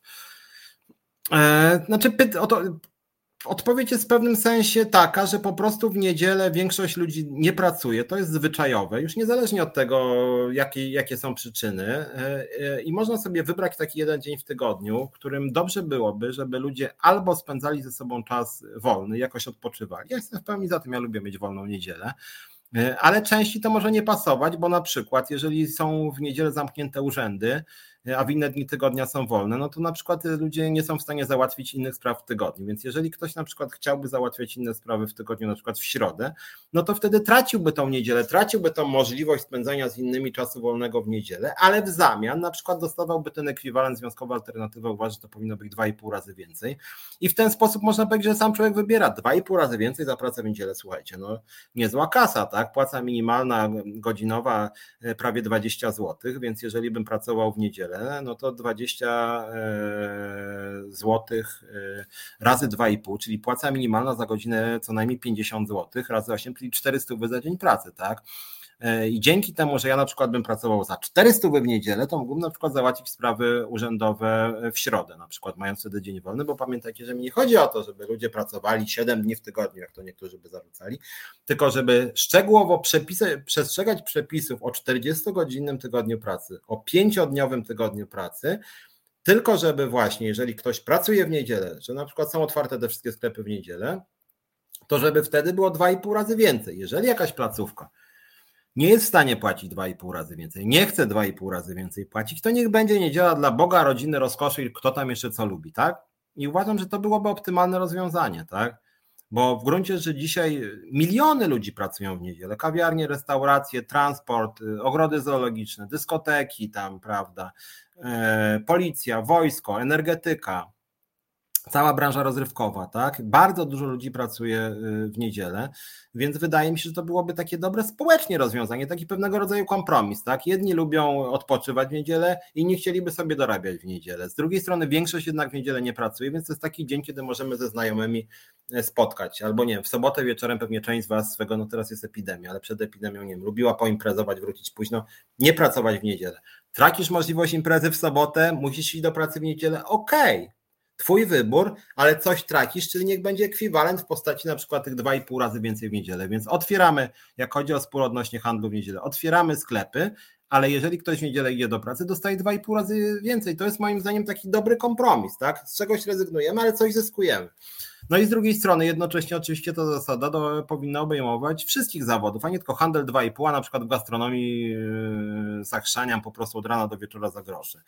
Więc 2,5 dla wszystkich po prostu uważam, że to byłoby mm, dobre e, rozwiązanie i to byłoby moim zdaniem też takie uczciwe, tak? Więc to jest też taka nasza propozycja jako postępowego związku zawodowego. Y, są ludzie, którzy na przykład studenci lubią sobie dorabiać w niedzielę i w ten sposób mogliby sobie dorobić naprawdę solidne pieniądze. Tak jak mówię, płaca minimalna za 8 godzin E, pracy 400 zł, to już jest nieźle. Cztery niedziele w miesiącu to jest 1600 zł. To są oczywiście małe pieniądze, ale za 4 dni pracy i to jest minimalna płaca, minimalna. E, w związku z tym to już są naprawdę, naprawdę niezłe pieniądze. Wojtek Polak, e, żeby oni z takim zapałem jak z handlem niedzielę walczyli z pandemią. No tak, akurat pandemia najwyraźniej nie jest dla nich kluczowa. Szaman 035, on wymyślił tak, że zamiast wódkę kupić w sklepie, to klient pod krawatem kupi ją w restauracji, stąd próby ograniczenia alkoholu na stacjach benzynowych. Kwestia alkoholu to jest jeszcze inna, bo alkohol wbrew pozorom jest bardzo mocnym narkotykiem i to jest też na swój sposób śmieszne, że w Polsce wszędzie można kupić wódkę, a jak chodzi o marihuanę, no to tam grozi więzienie tam za się do trzech lat. To jest niesamowite, tak, że wódka jest pod każdym względem mocniejszym narkotykiem niż e, marihuana. E, czy haszysz i w ogóle jest jednym z najmocniejszych narkotyków na rynku i w Polsce jest wódka dostępna dokładnie wszędzie, również w niedzielę, tak na marginesie, więc niby chcą niedziela dla Boga, rodziny i wódki. tak, tak naprawdę to jest taka formuła trochę e, w Polsce. E, Maria Mrozek, jestem za handlem niedzielę, ale niech płacą więcej za taką pracę, niektórzy mają szansę sobie dorobić. No więc dokładnie Dokładnie e, tak. E, Danuta Bąk, czy ta ustawa jest w ogóle normalna, chociaż tak trochę, nie wiem, o którą pani ustawę e, pisze. Jak chodzi o ustawę o handlu w niedzielę, ona nie wiem, czy normalna, nienormalna, głupia. No, tak samo jak Polski Ład jest głupi, ta ustawa covidowa jest głupia. Niestety głupota jest taką ważną częścią polityki PiSu na wielu obszarach. Po prostu te ustawy są bardzo, bardzo źle skonstruowane.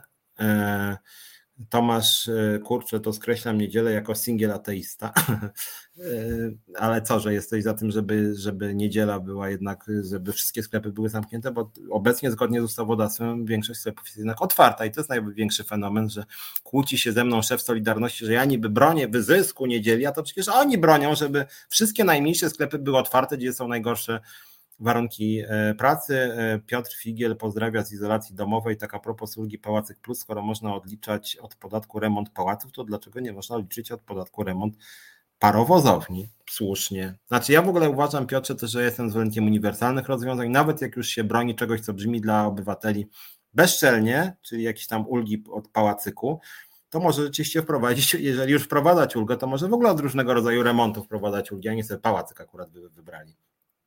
Szaman 035, bądźmy szczerzy, chodzi wyłącznie o Kościół. No generalnie tak. I Piotr jeszcze pisze, że to nie pałace, a parowozownie popadają w Polsce w ruinę. No generalnie tak, pewnie masz rację Piotrze. Charlie Bert nie prosi, było prowadzić 200% stawki za pracę w niedzielę. Komu się to opłaci, to się otworzy, a pracownicy zyskają szczególnie, że części ludzi praca w niedzielę pasuje.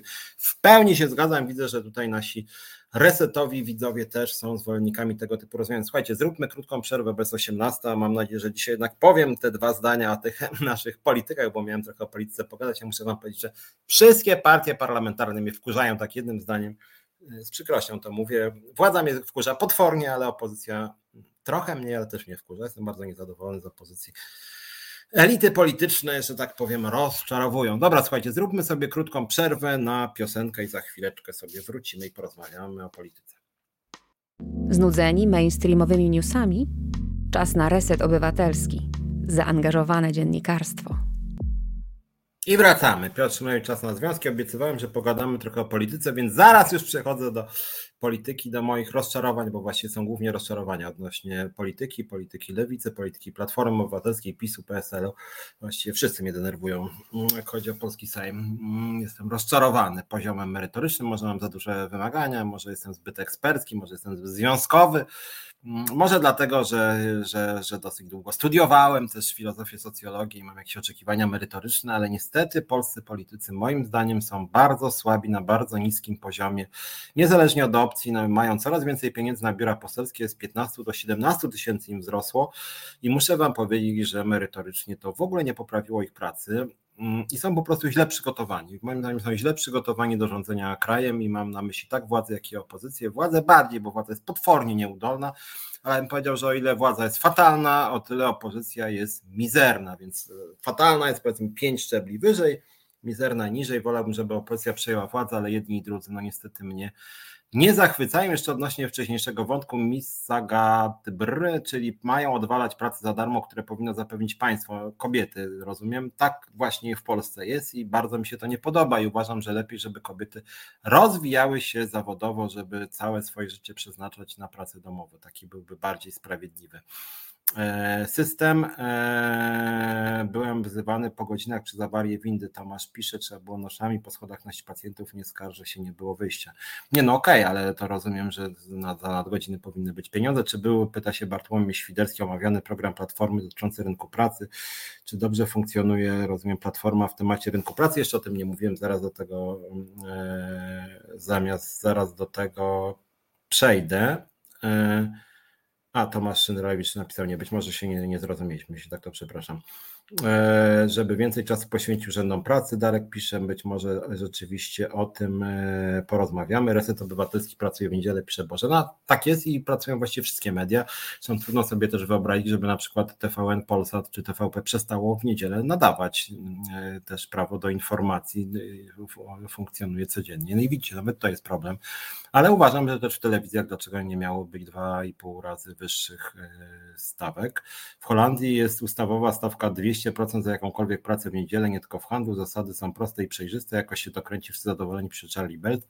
Tak jest i nie jestem pewien, czy przypadkiem w Holandii w sobotę nie jest 150%. To, to w sumie nie byłoby złe. 150% w sobotę, 250% w niedzielę. Ok, zgodziłbym się na kompromis. 150% w sobotę, 200 e, w niedzielę byłoby to moim zdaniem mm, dobre. Bożena też pisze, że wielu sprawnych emerytów chętnie by popracowało w jedną czy dwie niedziele. Też mi się tak e, wydaje.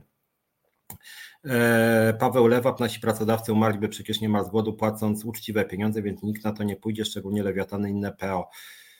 Jeśli chodzi właśnie o stawki w niedzielę, paradoksalnie organizacje pracodawców, te większe by się były nawet skłonne zgodzić. Większe sklepy, z tego też powodu, że większe sklepy stać na to, ponieważ fundusz płac nie jest tak, taką dużą częścią obrotu. W związku z tym, gdyby wprowadzić właśnie te 250% za pracę w niedzielę, wbrew pozorom duże sklepy by były prawdopodobnie otwarte. I bardzo dobrze były otwarte, jakby ludzie dostawali radykalnie wyższe wynagrodzenia. Widzę, że Wasze opinie na ten temat są podzielone. Marian Balcerek pisze, że za 4 niedziele 1600 brzmi świetnie, sam chętnie bym tak dorobił. Dla odmiany Gitar James pisze, że pracuje w handlu i nawet za potrójną stawkę by nie poszedł. Ty byś nie poszedł, ale wydaje mi się, że wiele osób by poszło za stawkę, no i szczególnie razy trzy, słuchaj.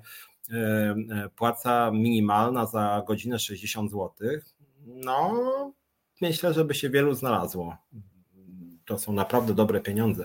Tym bardziej, że mówimy o płacy minimalnej, a, a, a obecnie nie wiem, w Żabce czy Biedronce, szczególnie czy w Tesco, czy w Carrefourze e, nie zarabia się płacy minimalnej, tylko sporo więcej, więc jeżeli by się tam zarabiało na przykład e, obecnie jest, nie wiem, 25 zł za godzinę, no to trzy razy to byś miał 75 zł, to byś miał 600 za jedną niedzielę, cztery niedziele w miesiącu i masz 2400 zł, więc to naprawdę nie są złe pieniądze, więc tutaj ja uważam, że warto byłoby takie rzeczy negocjować.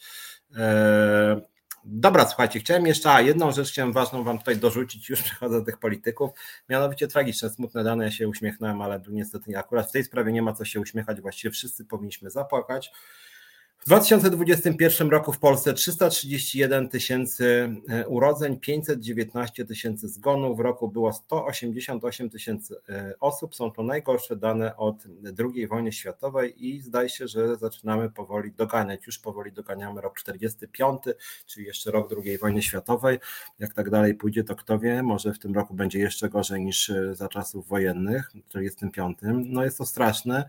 I żeby to jeszcze był jakiś zły los, tragedia, a to jest po prostu prostu w dużej mierze wina rządu, niestety, tej idiotycznej polityki, dlatego że Polska jest niestety mm, w czołówce absolutnej, jak chodzi o liczbę zgonów w Unii Europejskiej, tych nadwymiarowych, no to jest po prostu y, tragedia, to jest dramat i to, że PiS w ogóle jeszcze ma jakiekolwiek poparcie, to też trochę ręce padają, bo to jest w dużej mierze mm, ich wina. No i przechodząc do tego, co chciałem z Wami trochę porozmawiać odnośnie partii politycznych, nowy sondaż Kantar, Zjednoczona Prawica 27, KO 26, łącznie opozycja wyraźnie bije władzę. E, ja bym nie był aż taki optymistyczny, sam na Facebooku lubię pisać właśnie, że już się wypalił rząd i tak dalej. Wiadomo, że to są takie trochę mobilizacyjne mobilizacyjne wpisy, y, ale sondaży pewnie będzie dużo. Czy się rząd wypalił, to zobaczymy, chociaż moim zdaniem jest wypalony tak, jak jeszcze chyba nigdy nie był. Y, mm, no ale właśnie, pomyślałem sobie, żeby te sondaże, których jednak PiSowi trochę ubyło, Zjednoczonej Prawicy, żeby to był taki asumpt do dyskusji na temat tego, jak wygląda polska scena polityczna i kto jest dla nas miłym zaskoczeniem, a kto jest y, rozczarowaniem, kto mógłby być alternatywą wobec rządzącej prawicy, czy opozycja ma program? Jeżeli tak, to jaki to jest program? Jak oceniacie polityków? Czy macie jakichś swoich faworytów? Czy może ktoś Was szczególnie zaskoczył pozytywnie? Czy może macie jakiegoś posła czy posłankę, e, która, który jest Waszym zdaniem, no nie wiem, kandydatem na premiera? albo komu właśnie można ufać. Ja mam szczerze powiedziawszy z tym problem, bo w ogóle jestem rozczarowany. No władza to jest jakiś dramat, ale opozycja jest niestety też słaba. Hmm, jeszcze Marian Balcerek, jeśli niedziela była płatna 50% więcej, dawała dodatkowo jeden dzień urlopu. Można się tak zastanawiać nad takimi mieszanymi rozwiązaniami, chociaż uważam, że uczciwie byłoby rzeczywiście 250%. Eee, to byłoby ok. Była rozmowa na temat godnej płacy. Szaman 035 napisał, że minimum 6000 zł to jest godna płaca no możemy się spierać, czy, czy no netto. Średnia płaca w Polsce jest poniżej 5, w związku z tym nie jest to takie proste, żeby od razu wszyscy zarabiali 6 e, tysięcy. Dla mnie jest dramatyczne to, że w Polsce i to niestety zarządów PiSu też e, nie ma w ogóle podwyżek płac budżetówce, więc państwo daje bardzo zły przykład, że realne płace budżetówce spadają, że na 2022 rok e, przewidziano podwyżkę 4,4 średnią przy inflacji mniej więcej 8,8, mm, więc państwo daje daje zły przykład rynkowi pracy, że realne płace spadają i to spadają o dobrych kilka punktów procentowych, więc znacznie spadają. Natomiast ważne też jest nie tylko poziom pensji, ale też to, że w Polsce leżą usługi publiczne i w konsekwencji obywatele muszą za własne pieniądze zajmować się właśnie opieką senioralną, dziecięcą, posiłki w szkołach, e, e, w dużej mierze coraz bardziej sprywatyzowana ochrona zdrowia, korepetycje i, i, i coraz mniejsza, e, niższa jakość usług też szkolnictwa dla, dla dzieci i młodzieży. I to też sprawia, gdyby rzeczywiście było tak, że, że, że, że, że na przykład właśnie jest bardzo rozwinięta opieka nad dziećmi, opieka senioralna, że dzieci na przykład mają z pieniędzy publicznych wysokiej jakości obiady w szkołach, to, to dzięki temu, dzięki na przykład darmowym posiłkom w szkołach wysokiej jakości obiadom, e, spadłyby wydatki przeciętnego gospodarstwa domowego z dziećmi o paręset złotych. Tak? To byłoby znacznie lepsze niż te 500 plus, moim zdaniem. E, więc, więc wtedy też by, nawet jeżeli ktoś by zarabiał dzisiejszą płacę minimalną, tak? Nawet by zarabiał, nie wiem, 2,5 tysiąca na rękę, to zupełnie inaczej by się z tym czuł, tak? Znacznie czułby się niewątpliwie bezpieczniej, bo niezależnie od e, poziomu dochodów, od poziomu ubóstwa, dziecko na przykład miałoby wysokiej jakości posiłek w szkole, tak? I to, i to są takie ważne rzeczy, na które ani władza, ani moim zdaniem e, opozycja niestety e, nie zwraca uwagi. Darek Bielecki za komuny płacono za nadgodziny czy niedzielę, tylko zasady były jaśniejsze.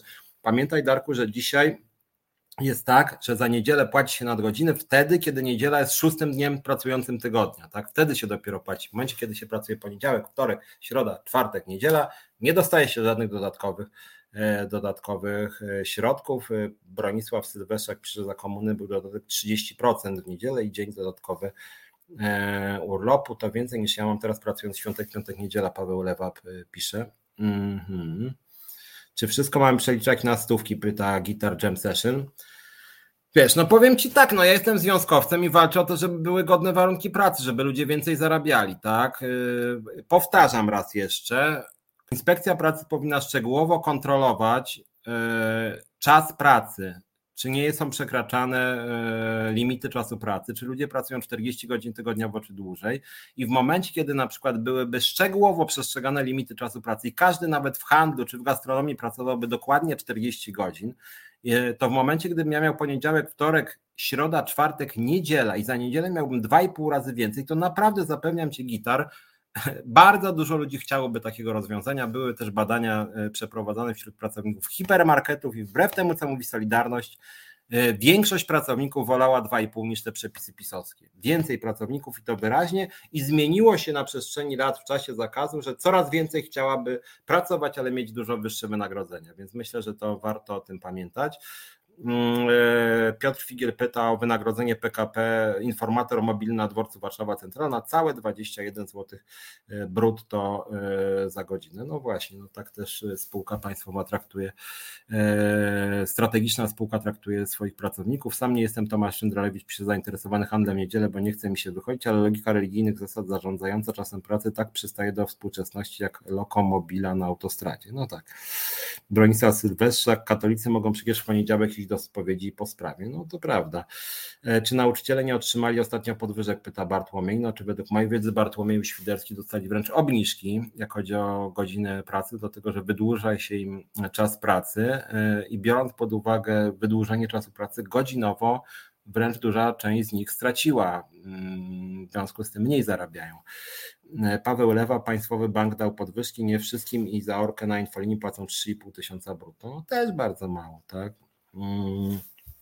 Maria Mrozek, jak ktoś ma przejść za na przykład minimalną płacę, jak nie ma własnego mieszkania, to nie wiem, jak wynajęcie kawalerki to 1700 zł w dużym mieście. Pełna zgoda, polityka mieszkaniowa w tym kraju e, również leży. Paski wypłat wskazywała na obniżkę przy Tomasz Szyndralewicz, to tak samo jak w ZUS-ie właśnie, tak? E, e, dobra, słuchajcie, wrócę do tego, co chciałem. Krótka zajawka mm, odnośnie tego, dlaczego jestem niezadowolony, jak chodzi o polską scenę polityczną. Mm, powiem Wam szczerze, byłem dzisiaj w tym Sejmie, wrócę do początku naszego dzisiejszego programu, e, rozmowa z politykami koalicji, z politykami lewicy.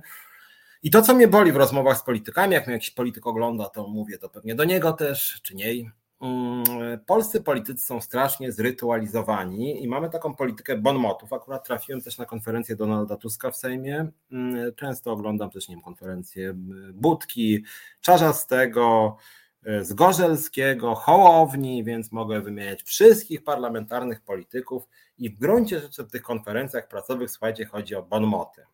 Tak naprawdę nie chodzi o merytoryczne posłaty, chodzi o bonmoty. Mamy politykę bonmotu, na przykład taki czarzasty, moim zdaniem poza bonmotami czy Schetyna, wiele sobą nie reprezentuje merytorycznie, za każdym razem szuka tylko bonmotu, Czarzasty, czy Zgorzelski, czy Schetyna właśnie, żeby z różnych obozów politycznych wymieniać.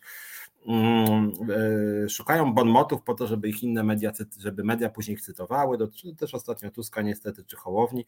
W związku z tym mamy politykę bonmotu, natomiast jak chodzi o kwestie merytoryczne, kwestie rynku pracy, konkretów dotyczących rynku pracy, polityki społecznej, ochrony zdrowia, to tak naprawdę Mm, nie widzę tych e, propozycji ze strony mm, opozycji specjalnie. Władza ma propozycje, ale ma te propozycje takie, że lepiej nie mówić i pisane fatalnie, zupełnie dramatycznie źle.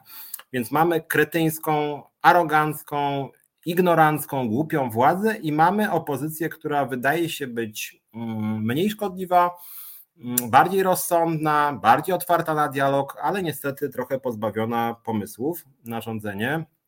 Więc oczywiście wolałbym Zdecydowanie bym wolał, żeby opozycja przejęła władzę, bo PiSu po prostu nie cierpię, a nie cierpię nie dlatego, że mam takie emocje, tylko dlatego, że PiS krzywdzi mnie, krzywdzi moich bliskich, krzywdzi moich związkowców, niszczy rynek pracy, niszczy ochronę zdrowia, niszczy system szkolnictwa, kwestionuje prawa kobiet, kwestionuje prawa LGBT, e, dehumanizuje migrantów i uchodźców, niszczy prawo, niszczy media i można tak długo wymieniać. Natomiast chciałbym, żeby opozycja trochę więcej jednak sobą reprezentowała. I nie chodzi mi tylko o to, że mm, e, przekaz opozycji sprowadza się do krytyki PiSu, ale w pewnym sensie przeciwnie, że opozycja w wielu ważnych sprawach broni PiSu i broni dokładnie tych samych rozwiązań.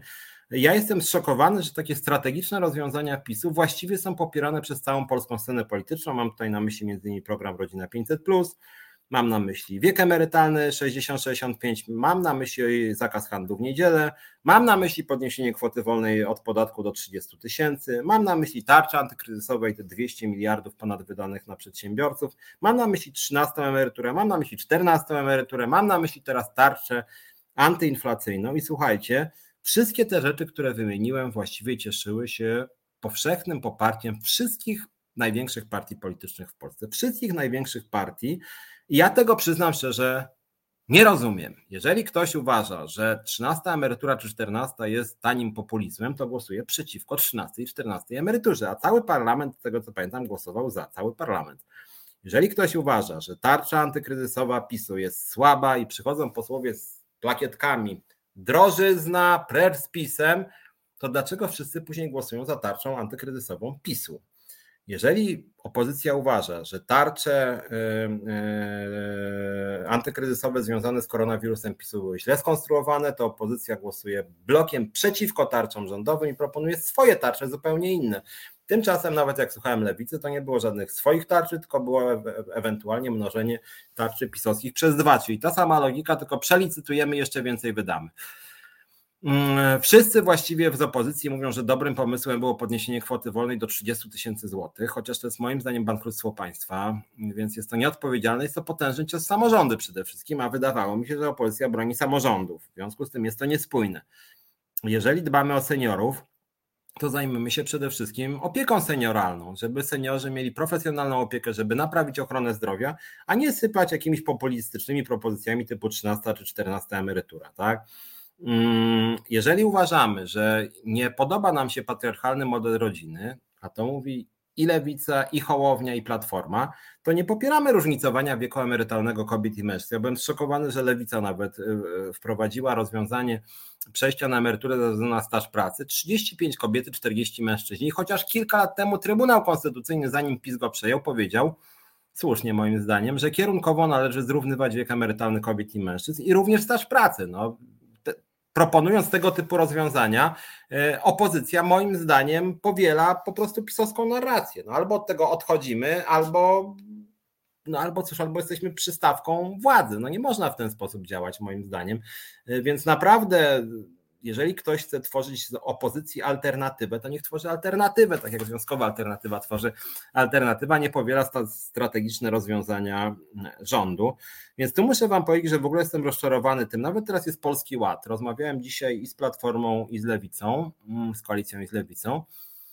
I miło się rozmawiało, tak? Znaczy dużo krytycznych uwag, ale niestety nie słyszałem tam jakichś e, rozwiązań całościowych zmian w systemie podatkowym, które szłyby radykalnie w innym kierunku niż Polski Ład, tak? Czyli kasujemy w ogóle tą propozycję i idziemy w zupełnie innym kierunku, tak? Ja na przykład uważam, że dobrym rozwiązaniem, jak chodzi o system podatkowy, byłoby włączenie wszystkich składek do podatku, wszystkich, czyli składki zdrowotnej, emerytalnej i stworzenie jednolitego systemu podatkowego, w którym po prostu byłby stricte progresywny system, gdzie na przykład do pewnej kwoty 10% po przekroczeniu kwoty 30, po przekroczeniu 50, czyli wszystkie składki wrzucamy w podatki, wszystkie składki wrzucamy w podatki i robimy silnie progresywny system podatkowy do pewnej kwoty 10, po przekroczeniu pewnej 30, po przekroczeniu pewnej 50.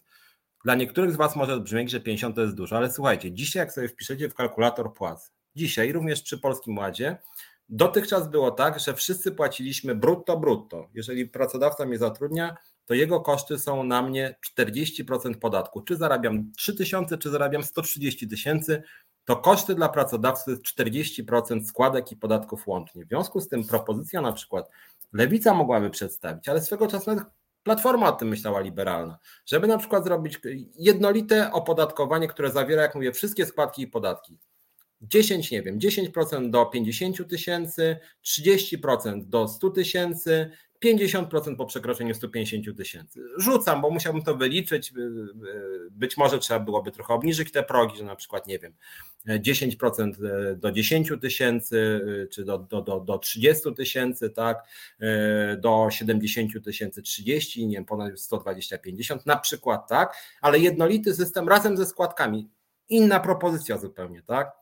Albo nie bronimy z programu Rodzina 500, tylko wchodzimy na przykład w darmowe posiłki dla wszystkich dzieci. Wszystkie dzieci mają super posiłki w szkołach, w pełni wartościowe, zdrowe, plus jeszcze na przykład pełna refundacja żłobków i przedszkoli dla wszystkich dzieci plus na przykład w każdej szkole pielęgniarka i, e, i dentysta, tak? W każdej szkole i wydajemy na to dużo więcej jeszcze kasy niż program Rodzina 500, który kasujemy lub radykalnie go ograniczamy i na przykład, e, i na przykład 500 plus zostaje dla, dla, dla rodzin najbiedniejszych, tak? Z kryterium dochodowym. Na przykład, ja, znaczy mi to jest akurat bliskie, co teraz przed chwilą powiedziałem, ale żeby opozycja nawet poszła w tym kierunku, tak? Albo na przykład system emerytalny nie żadne trzynastki, czternastki odrzucamy i konsekwentnie mówimy, że to jest populizm i mówimy minimalna emerytura na przykład o 400 zł wyższa, e, podnosimy emerytury skokowo, jednorazowo skokowo i ustalamy później mechanizm podwyżki i ładujemy bardzo duże pieniądze w opiekę senioralną, tak i w ochronę zdrowia.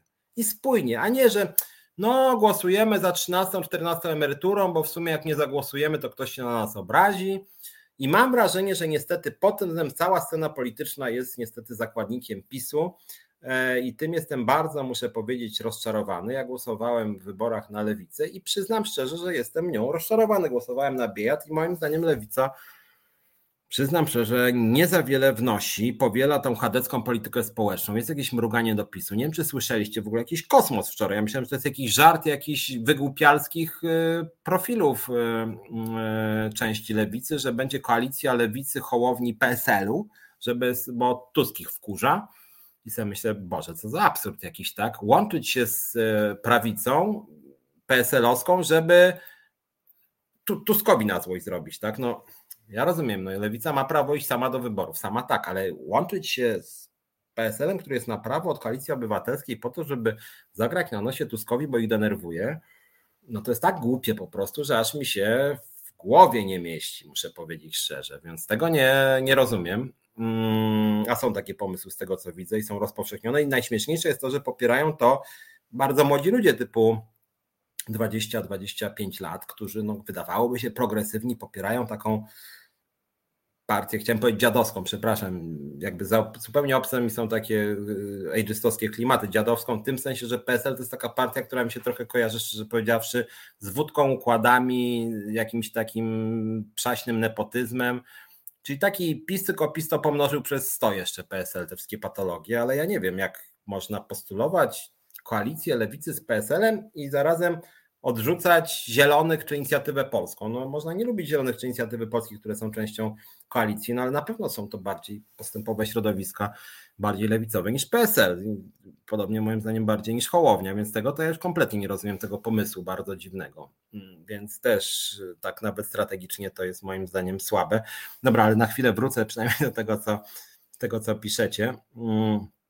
Waldek, czy uważacie, że wśród pracodawców nie ma właścicieli lewicowych, bo podział my i oni to zbytnie uproszczenie? Waldku, dokładnie uważam, że są e, pracodawcy e, lewicowi. Co więcej, zdradzę Wam pewien e, element swojego myślenia na temat polityki, co jest mi bliskie, jaka wizja, nikt jej nie chce realizować póki co.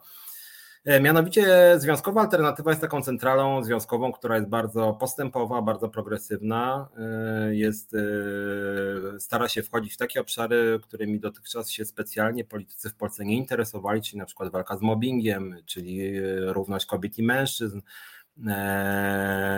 czyli na przykład my mamy taki pomysł, żeby były odsetki za niepłacenie wynagrodzeń na czas, czyli daleko idąca transparentność życia publicznego, czyli właśnie te 2,5 za pracę w niedzielę, co mówię.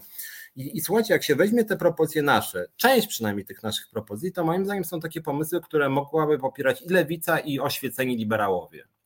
Więc ja sugeruję od jakiegoś czasu, przynajmniej części lewicy i koalicji obywatelskiej, żeby właśnie odeszli od tych takich od powielania tych pisowskich klisz i żeby bronili właśnie takiego całościowego modelu, który w pewnym sensie nie ma stricte barw partyjnych, czy na przykład walka z mobbingiem. Czy walka z mobbingiem musi być stricte, nie wiem, lewicowa albo chadecka, albo transparentność życia publicznego i pełna transparentność, przejrzystość wszystkich organizacji życia publicznego, począwszy od kościołów, przez partie, związki zawodowe i organizacje pracodawców, tak? A tego niestety nikt w Polsce prawie nie chce. No. E, e, wchodzą jacyś populiści typu Kołodziejczak czy Kukiz, którzy wrzeszczą, że układy rządzą, po czym dostają krótkie pytanie od dziennikarza, no dobra, czy może pan zdradzić źródła swojego finansowania? No i się okazuje, że Kołodziejczak, Kukiz, Hołownia, Biedroń kręcą. Wszyscy kręcą, jak chodzi o finansowanie, o przejrzystość, o transparentność. Wszyscy kręcą. Nie kręcą tak jak PiS, bo PiS kręci razy 50, ale kręcą i nie mówią tego, co najważniejsze, tak? Więc mi się wydaje, że w Polsce przydałaby się taka koalicja mm, środowisk, nie wiem, lewicowych, zielonych, liberalnych, których głównym elementem byłby szeroko rozumiana, no nie wiem, postępowość, e, transparentność, jawność, e, walka z dyskryminacją. O, walka z dyskryminacją też może połączyć lewicę i, i, i liberałów i nie mam nic przeciwko temu. Tymczasem jak ja słyszę, że na przykład lewica dla części powinna pójść z PSL-em, który jest zaprzeczeniem jakiejkolwiek transparentności, który jest zaprzeczeniem walki z dyskryminacją, który jest wcieleniem takich mętnych układzików, no to, to ręce mi trochę opadają, szczerze powiedziawszy. Eee... Darek Bielecki, pozwoliliśmy politykom na zbudowanie tarczy ich chroniących przed jakąkolwiek odpowiedzialnością. No w pełni się zgadzam. Ja dlatego od dłuższego czasu mówię, jeżeli miałbym być politykiem, ale mówię to jako związkowiec, to uważam, że transparentność wszystkich polityków, bardzo daleko idąca, jawność płac. Ja mogę ujawnić, ile ja zarabiam co miesiąc i uważam, że wszyscy powinni ujawnić, powinna być pełna jawność płac w całej gospodarce, e, transparentność majątków prezesów spółek Skarbu Państwa, członków rad nadzorczych Skarbu Państwa, mm, konkursy na wszystkich szczeblach, jawne konkursy, mm, daleko idące odpartyjnienie e, w wielu kluczowych stanowiskach i tak dalej, i tak dalej. Ja mogę długo, długo, e, długo wymieniać. E, no niestety nie ma takiej transparentności u polityków. Waldek pisze, że Czarzasty pojechał do Solarisa. No i co z tego, że pojechał do Solarisa? W ogóle po co on tam jest w tym Solarisie? W Solarisie jest strajk, e, strajk ludzi na dole. Ja pamiętam, jak myśmy robili strajk w locie i też politycy próbowali się nas utuczyć. I co oni zrobili? Przyjechali raz, zrobili sobie fotkę i wyjechali, tak? A sam Czarzasty co robi? No przepraszam bardzo, to co Czarzasty robi w swojej własnej partii, gdzie wyrzucił już chyba jedną trzecią partię, ja nie wiem, on wyrzuca każdego, kto tam, nie wiem, kto, kto w ogóle chce o czymkolwiek rozmawiać. Przecież to jest partia lewica dzisiaj pod rządami Czarzastego, tam chyba merytorycznej dyskusji nie ma, bo jak ktoś zgłasza jakieś, w jakiejkolwiek sprawie inne zdanie niż Czarzasty, to wylatuje z partii, tam wyleciało już przecież jakieś dużo ludzi, no, a reszta jest przestraszona. No, przecież to jest model to jest przecież mobbingujący model zarządzania, no więc jest to w ogóle jakiś wstyd jak na partię lewicową, że takie rzeczy się dzieją. Zresztą muszę powiedzieć, że to, że ta wpadka razem, które chyba razem najbardziej cenię merytorycznie, ale to, że tam sześć osób z zarządu wzięło sobie po 200 tysięcy i nie wytłumaczyło się z tego. Nie wytłumaczyło się, zrobili ciszę na półtora miesiąca. No tak się nie robi. No, jeżeli ktoś uważa, że jest za jawnością, transparentnością, uczciwością w życiu publicznym i okej, okay, zdarzy mu się wpadka. Nikt nie musi być święty w końcu, ale niech ta świętość przynajmniej polega na tym, że jak zdarzy mu się wpadka, to powie na przykład przepraszam, zrobiłem bardzo duży błąd, postaram się to naprawić w najbliższych miesiącach i uwiarygodnić. No nic takiego ze strony razem się nie stało. I to samo z lewicą. No Czarzasty, który wywalał ludzi, wzywał ochronę przeciwko swoim przyjaciołom partyjnym, zamykał drzwi na klucz i ochronę stawiał przed sobą.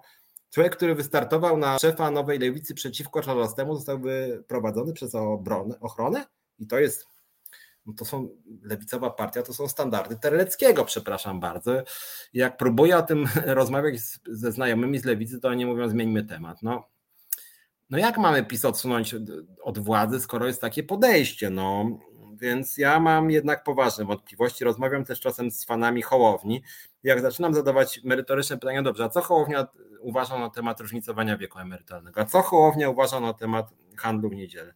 A co Hołownia uważa na temat walki z umowami śmieciowymi? No to zakaz, no nie, tutaj to, to jest nowa jakość. Ja mówię, dobrze, ale na czym polega ta nowa jakość? Mógłbym się dowiedzieć, co Hołownia uważa na tematy kluczowe odnośnie rynku pracy. Według różnych badań Polacy uważają, że kwestie związane z rynkiem pracy są najważniejsze obok ochrony zdrowia i systemu emerytalnego. I nie ma odpowiedzi. Czasem po prostu jak pytam tych polityków, oni kluczą, kręcą, zmieniają temat, rzucają bonmotami, to trochę człowiekowi ręce opadają, szczerze powiedziawszy. I to jest moje rozczarowanie, rozczarowanie właściwie całą opozycją. Y, jedna rzecz, która y, kilku posłów i posłanek koalicji dotyczy pozytywnie, szczególnie może Jońskiego y, i Szczerby, to to, że oni są pracowici, że rzeczywiście na przykład Joński, jak chodzi o te interpelacje poselskie, to chyba sami zobaczyliście, że oni już tych konferencji odwalają ze 100 chyba, odwalili od początku czy 200 i rzeczywiście narobili władze chyba największych problemów. Także jednak zaczęli nawet e, z mojej działki to, że oni e, w locie rzeczywiście zaczęli się wgryzać, że tak powiem, e, w te patologie. Więc wydaje mi się, że o ile Platforma za bardzo programu nie ma, bo nie za bardzo z tym programem Platformy, ja nie znam programu Platformy Gospodarczego, to przynajmniej kilku posłów z nich próbuje coś robić. To jest pewien plus że w miarę swoich możliwości coś tam e, kombinują. E, jak chodzi o lewicę, dwa razy się zdarzyło Dziemianowicz Bąk zgłosić, jak chodzi o administrację skarbową. Dzisiaj też rozmawialiśmy między innymi z posłem Koniecznym i z posłem Wieczorkiem mm, z Platformy, z posłanką Janyską. Jest taka posłanka OSOS, w ogóle nieznana z Platformy, która wyraziła wolę pomocy w sprawie mm, opiekunek. Kilka tych przypadków jest, ale to wszystko sprawia wrażenie interwencji, tak? A ja uważam, szczerze powiedziawszy, że kluczowym zadaniem posła nie jest interwencja w jakiejś sprawie. Nie jest to, żeby czarzasty jechał do Solarisa, żeby sobie walnąć fotkę, tylko kluczowym zadaniem posła i posłanki jest to, żeby tworzyć dobre prawo. Żeby tworzyć, jeżeli poseł jest z opozycji, czy posłanka, żeby tworzyć alternatywę wobec wizji rządowej. Jak chodzi o interwencje bieżące, to ja jako związkowiec bardziej jestem. To my działamy w ZUS-ie, w kasie, na poczcie, w locie, e, w zbrojeniówce, e, wśród opiekunek, tak, Teraz przyjmujemy w Świdnicy, przyjęliśmy teraz związek, tak, w Instytucie Adama Mickiewicza w Warszawie e, i jeszcze w wielu miejscach. I, I jakby my od tego jesteśmy, natomiast rolą polityków jest tworzyć dobre prawo i ewentualnie nas słuchać i wychodzić naprzeciwko naszym oczekiwaniom w zakresie zmian prawnych. A ja niestety, jak chodzi o zmiany prawne, no to tak nie za bardzo widzę u polityków e, te zmiany, te, te, te, jakąś taką kreatywność w tworzeniu rozwiązań ustawodawczych. Mariam Mrozek pisze, że górnicy z JSW walczyli podwyżki. Można, można. Znaczy problem polega na tym, że w Polsce to nie, tyle, nie tylko górnicy wywalczyli podwyżki, tylko mamy taki model, który jest modelem chadeckim, o którym trochę mówiłem, modelem e, chciałem powiedzieć prawicowym, no może chadeckim lepsze słowo. Otóż w modelu hadelskim polityki społecznej i gospodarki e, szczególnie godne płace i stabilne zatrudnienie mają wybrane branże. Przede wszystkim branże bardzo silnie zmaskulinizowane, męskie, zdominowane przez mężczyzn. Górnicy, wojsko, policja, tak? Natomiast lekceważone są zawody związane z y, usługami publicznymi, często sfeminizowanymi, na przykład dlatego w Polsce bardzo źle mają pracownicy socjalni, kiepsko mają nauczyciele, słabo ma ochrona zdrowia, y, skarbówka też, czy tym bardziej ZUS leżą i kwiczą. I to jest część tego pisowskiego modelu, tak, że już nie chodzi tylko o to, że górnicy tam potrafią ostrzej zaprotestować, tylko że tak naprawdę górnicy są częściowo z władzą zblatowani, tak, ta władza zabiega o poparcie górników czy e, funkcjonariuszy policji, natomiast nie zabiega o pracowników socjalnych czy nauczycieli i to jest część tego modelu. E, częścią modelu socjaldemokratycznego jest to, że przede wszystkim dba się o wysoką jakość usług publicznych, a co się z tym wiąże? Dba się o pracowników, którzy te usługi wykonują, czyli o pracowników socjalnych, o nauczycieli, właśnie o pracowników ochrony zdrowia, o pracowników ZUS-u, skarbówki i tak dalej, i tak dalej. Natomiast w Polsce ja nie widzę takiej partii opozycyjnej, która by w ten sposób to wartościowała, tak? Że na przykład lewica w mniejszym stopniu interesuje się górnikami, a w większym stopniu pracownikami socjalnymi. Zresztą znowuż, na przykład, jak chodzi o zmiany klimatyczne, jak ja słyszę od kogoś, no. W pełni popieramy walkę, walkę e, ze zmianami klimatycznymi, popieramy cele klimatyczne Unii Europejskiej, ale kopalni nie zamykamy. Tak słyszę czasem od lewicy. No to jak to jest? To co, kopalnie mają działać, y, górnicy mają mieć pracę do 2070 roku, a zarazem realizujemy cele Unii Europejskiej. No nie, tak się nie da, no to jest kłamstwo zwykłe po prostu. No trzeba w jakimś kierunku iść, trzeba być, trzeba być uczciwym po prostu, tak, bo to jest takie krętactwo, no więc mm, y, Piotr Figiel pisze, że opozycja jest y, mniej szkodliwa. No tak, no i w tym sensie w tym sensie zdecydowanie wolę, żeby opozycja przejęła władzę oczywiście, natomiast to jest trochę tak, że, że, że, że, że PiS tak y, to państwo, że tak powiem, rąbie się kierą, że ono się po prostu sypie, czy inna metafora podpala to państwo, że już jedna trzecia kraju spłonęła i cały czas Kaczyński biega z pochodnią i oblewa wszystko benzyną. No opozycja to tak, no dobra, niech się pali, ale nie będziemy oblewać benzyną. Trochę, trochę tak, no. Więc, więc rzeczywiście żałuję tego, bo uważam, że PiS można powiedzieć, że PiS daje bardzo dużą y, szansę dla opozycji, żeby stworzyć coś nowego.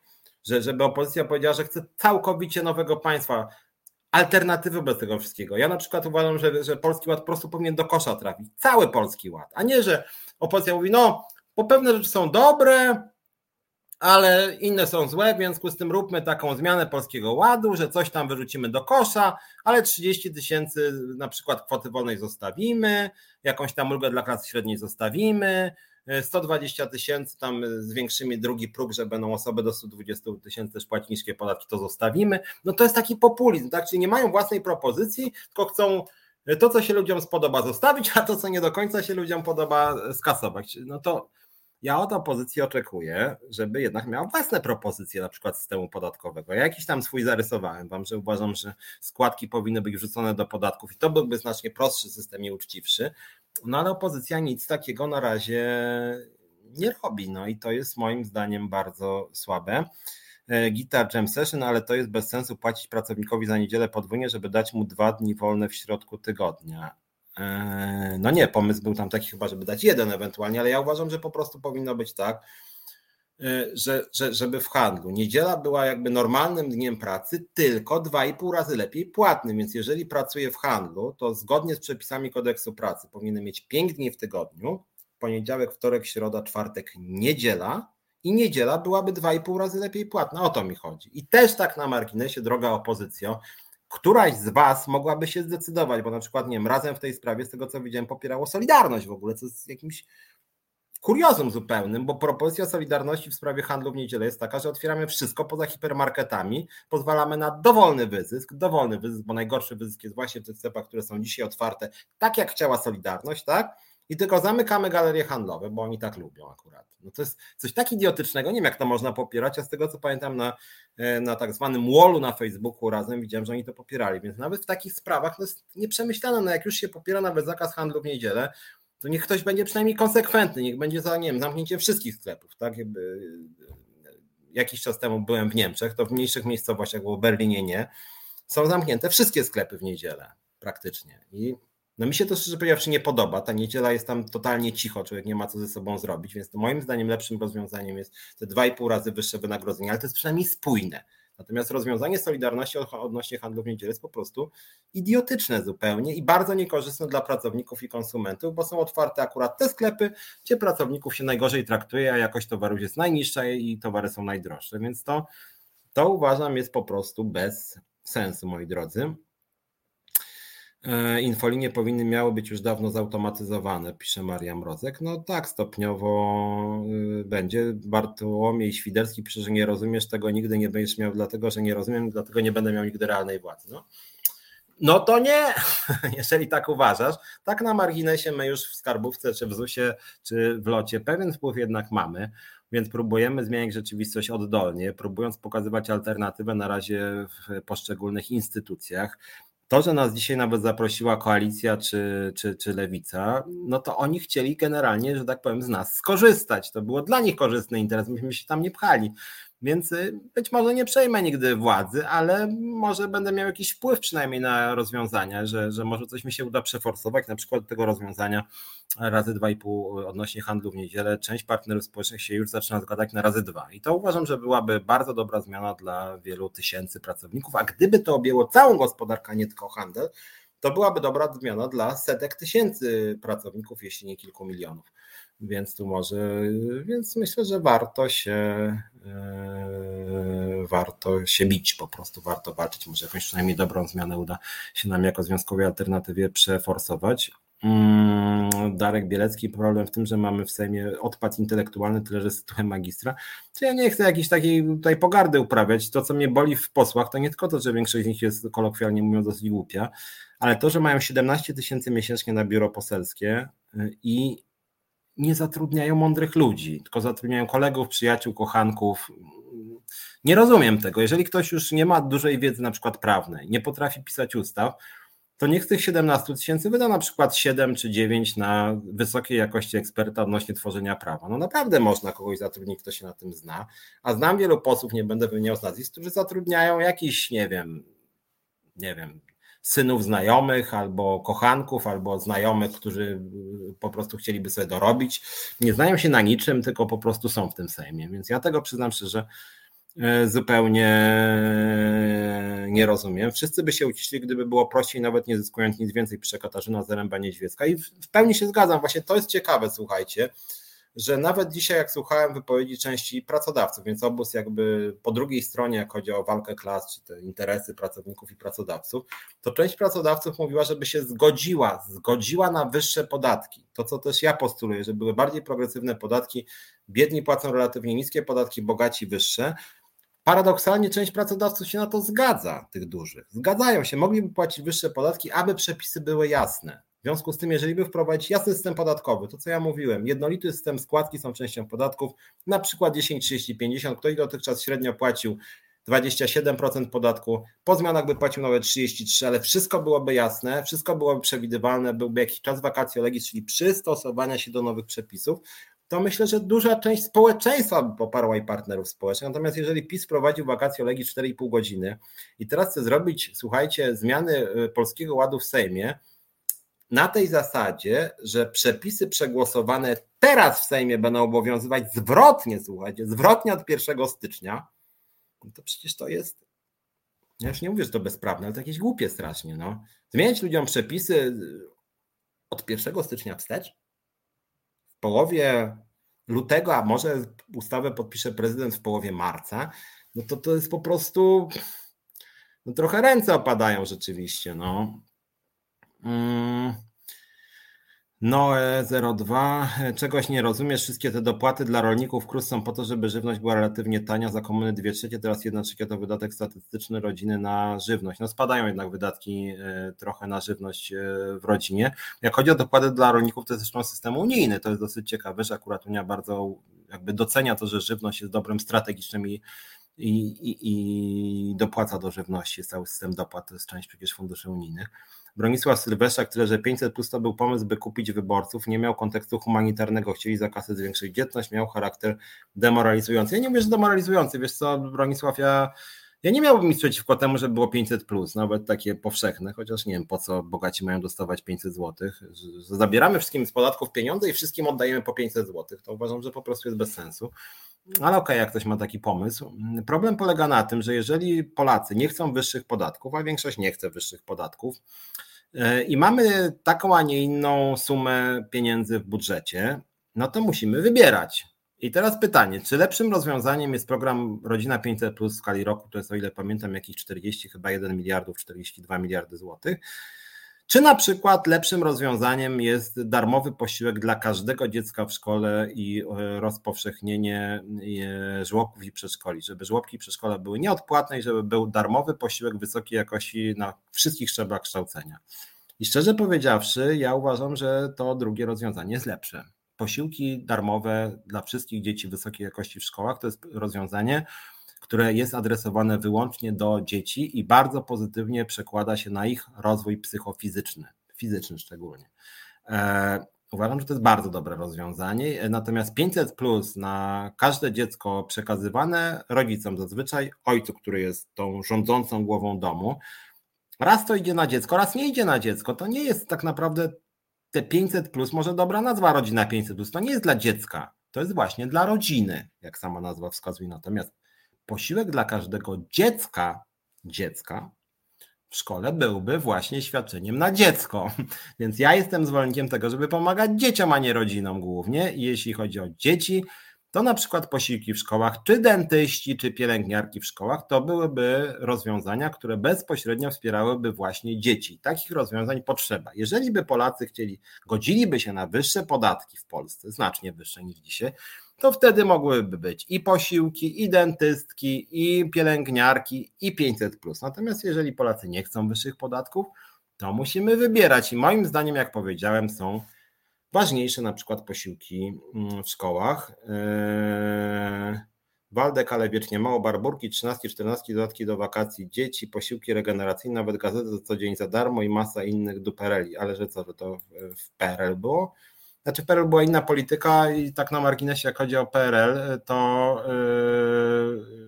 yy, co ciekawe, była też taka dosyć chadecka polityka społeczna, że na przykład kobiety był bardzo długi urlop yy, macierzyński, natomiast nie ulega wątpliwości, yy, że jednak świadczenia społeczne, na przykład opieka żłobkowa była znacznie bardziej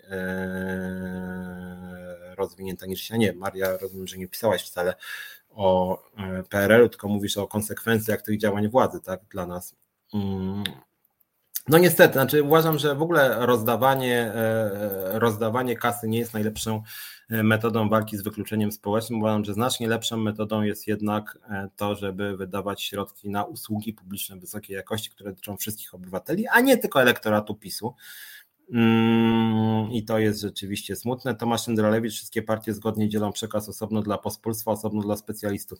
Wiesz co, Tomasz, ja tam nie widzę specjalnie tego przekazu dla specjalistów i w ogóle jest strasznie antyekspercki dyskurs wśród y, y, y, wszystkich właściwie partii. To co powiedziałem, że nawet rozmawiam z lewicą i oni właściwie bronią pisowskich rozwiązań, to jest dla mnie Szokujące. Bartłomiej Świderski, co w tym dziwnego, na tym polega prowadzenie realistycznej polityki w systemie demokratycznym, pozwala to na utrzymaniu się przy władzy. Teoretycznie propozycje naszego eksperta są dobre, tylko na tego typu dyskusje jak tutaj.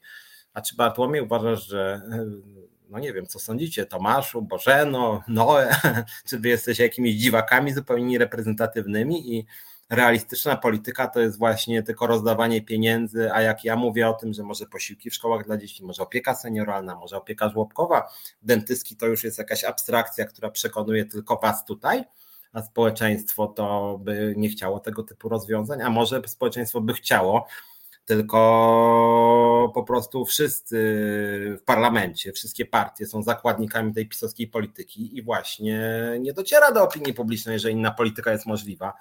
E, ja uważam, że warto próbować. Ja osobiście nie mam aż takiego zasięgu jak na przykład pan Donald Tusk, ale uważam, że i oczekuję od opozycji, sam to sugeruję opozycji, sam w tym sensie jestem opozycją. Uważam, że powinna być jednak jakaś, powinny być alternatywne rozwiązania i przykro mi jest to, że Mm, żadna partia opozycyjna takich alternatywnych rozwiązań de facto y, nie proponuje. Bożena pisze, bardzo mi się podoba taki jednolity podatek, z tym, że ja bym górną granicę jeszcze podniosła na przykład powyżej miliona rocznie 60-70%.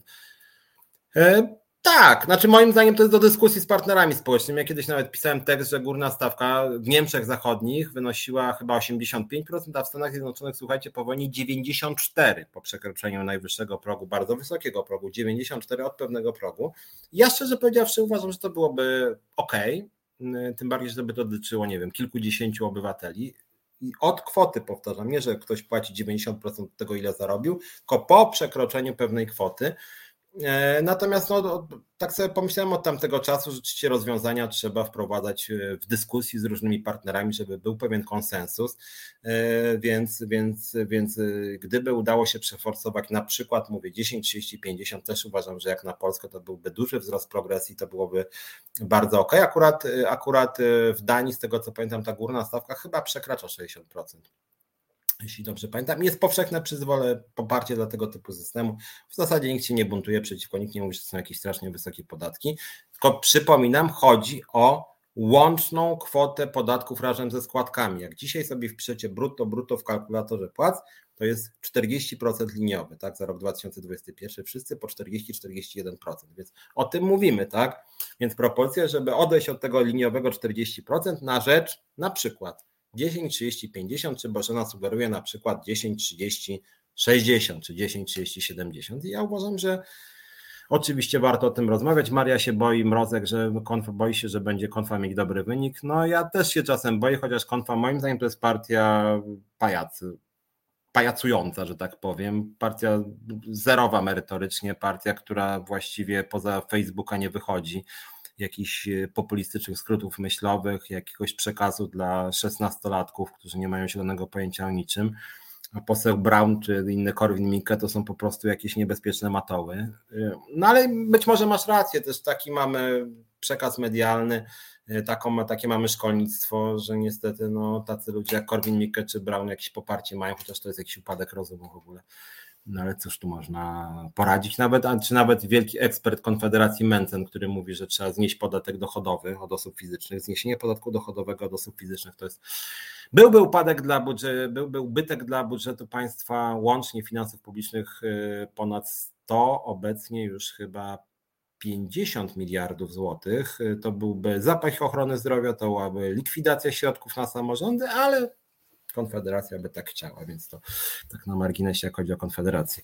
E, więc e, to nie jest, e, skoro tobie kojarzy się PSL z wódką, to mnie lewica z komuną. Znaczy ja nie wiem, Bartłomiej Świderski tak napisał, co ci się kojarzy z komuną. Lewica ostatnio wygrała w Portugalii wybory, wygrała wcześniej w Niemczech wybory. Są różne lewice, więc nie wiem, co masz na myśli też mówiąc o komunie. Zresztą pewne elementy komuny były ok, jak na przykład rozbudowana opieka e, żłobkowa. Ja mam na myśli akurat e, walkę z mobbingiem, ja mam na myśli 2,5 za pracę w niedzielę, ja mam na myśli wysoką jakość usług publicznych, ja mam na myśli godnie opłacaną budżetówkę, tego typu rzeczy, czy posiłki w szkołach, o których mówiłem. Eee, Maria też pisze, że lewica ma słaby marketing. Pełna zgoda, ma słaby marketing. Dobra, słuchajcie, muszę kończyć. Widzę, że bardzo dużo jest waszych głosów, więc przepraszam, że ich wszystkich, Jezu, jak dużo. przepraszam, że ich nie skomentowałem, ale muszę już e, kończyć. E, generalnie myślę, że naprawdę polski Sejm, polscy parlamentarzyści, opozycji mogliby się trochę bardziej wysilić. Charlie Bell sugeruje, żebym był, startował na prezydenta. O, mógłbym być prezydentem. Zapewniam, że byłbym wtedy całkowicie niezależny, nie mógłbym wetować złe propozycje władzy, a przy okazji miałbym inicjatywę ustawodawczą i te rzeczy, które dzisiaj zgłaszałem, byłyby z pewnością moimi inicjatywami jako prezydenta. Dobra, słuchajcie, muszę kończyć. Póki co jestem liderem związkowym i zachęcam Was, żebyście wstępowali do związkowej alternatywy i my jako związkowa alternatywa próbujemy zmieniać Polskę oddolnie. I fajnie, bo jakbyście pomogli. Dobra, słuchajcie, dziękuję Wam bardzo. Widzimy się i słyszymy za tydzień. Do widzenia, do usłyszenia. Za tydzień już będę miał gości. Na razie. Reset Obywatelski.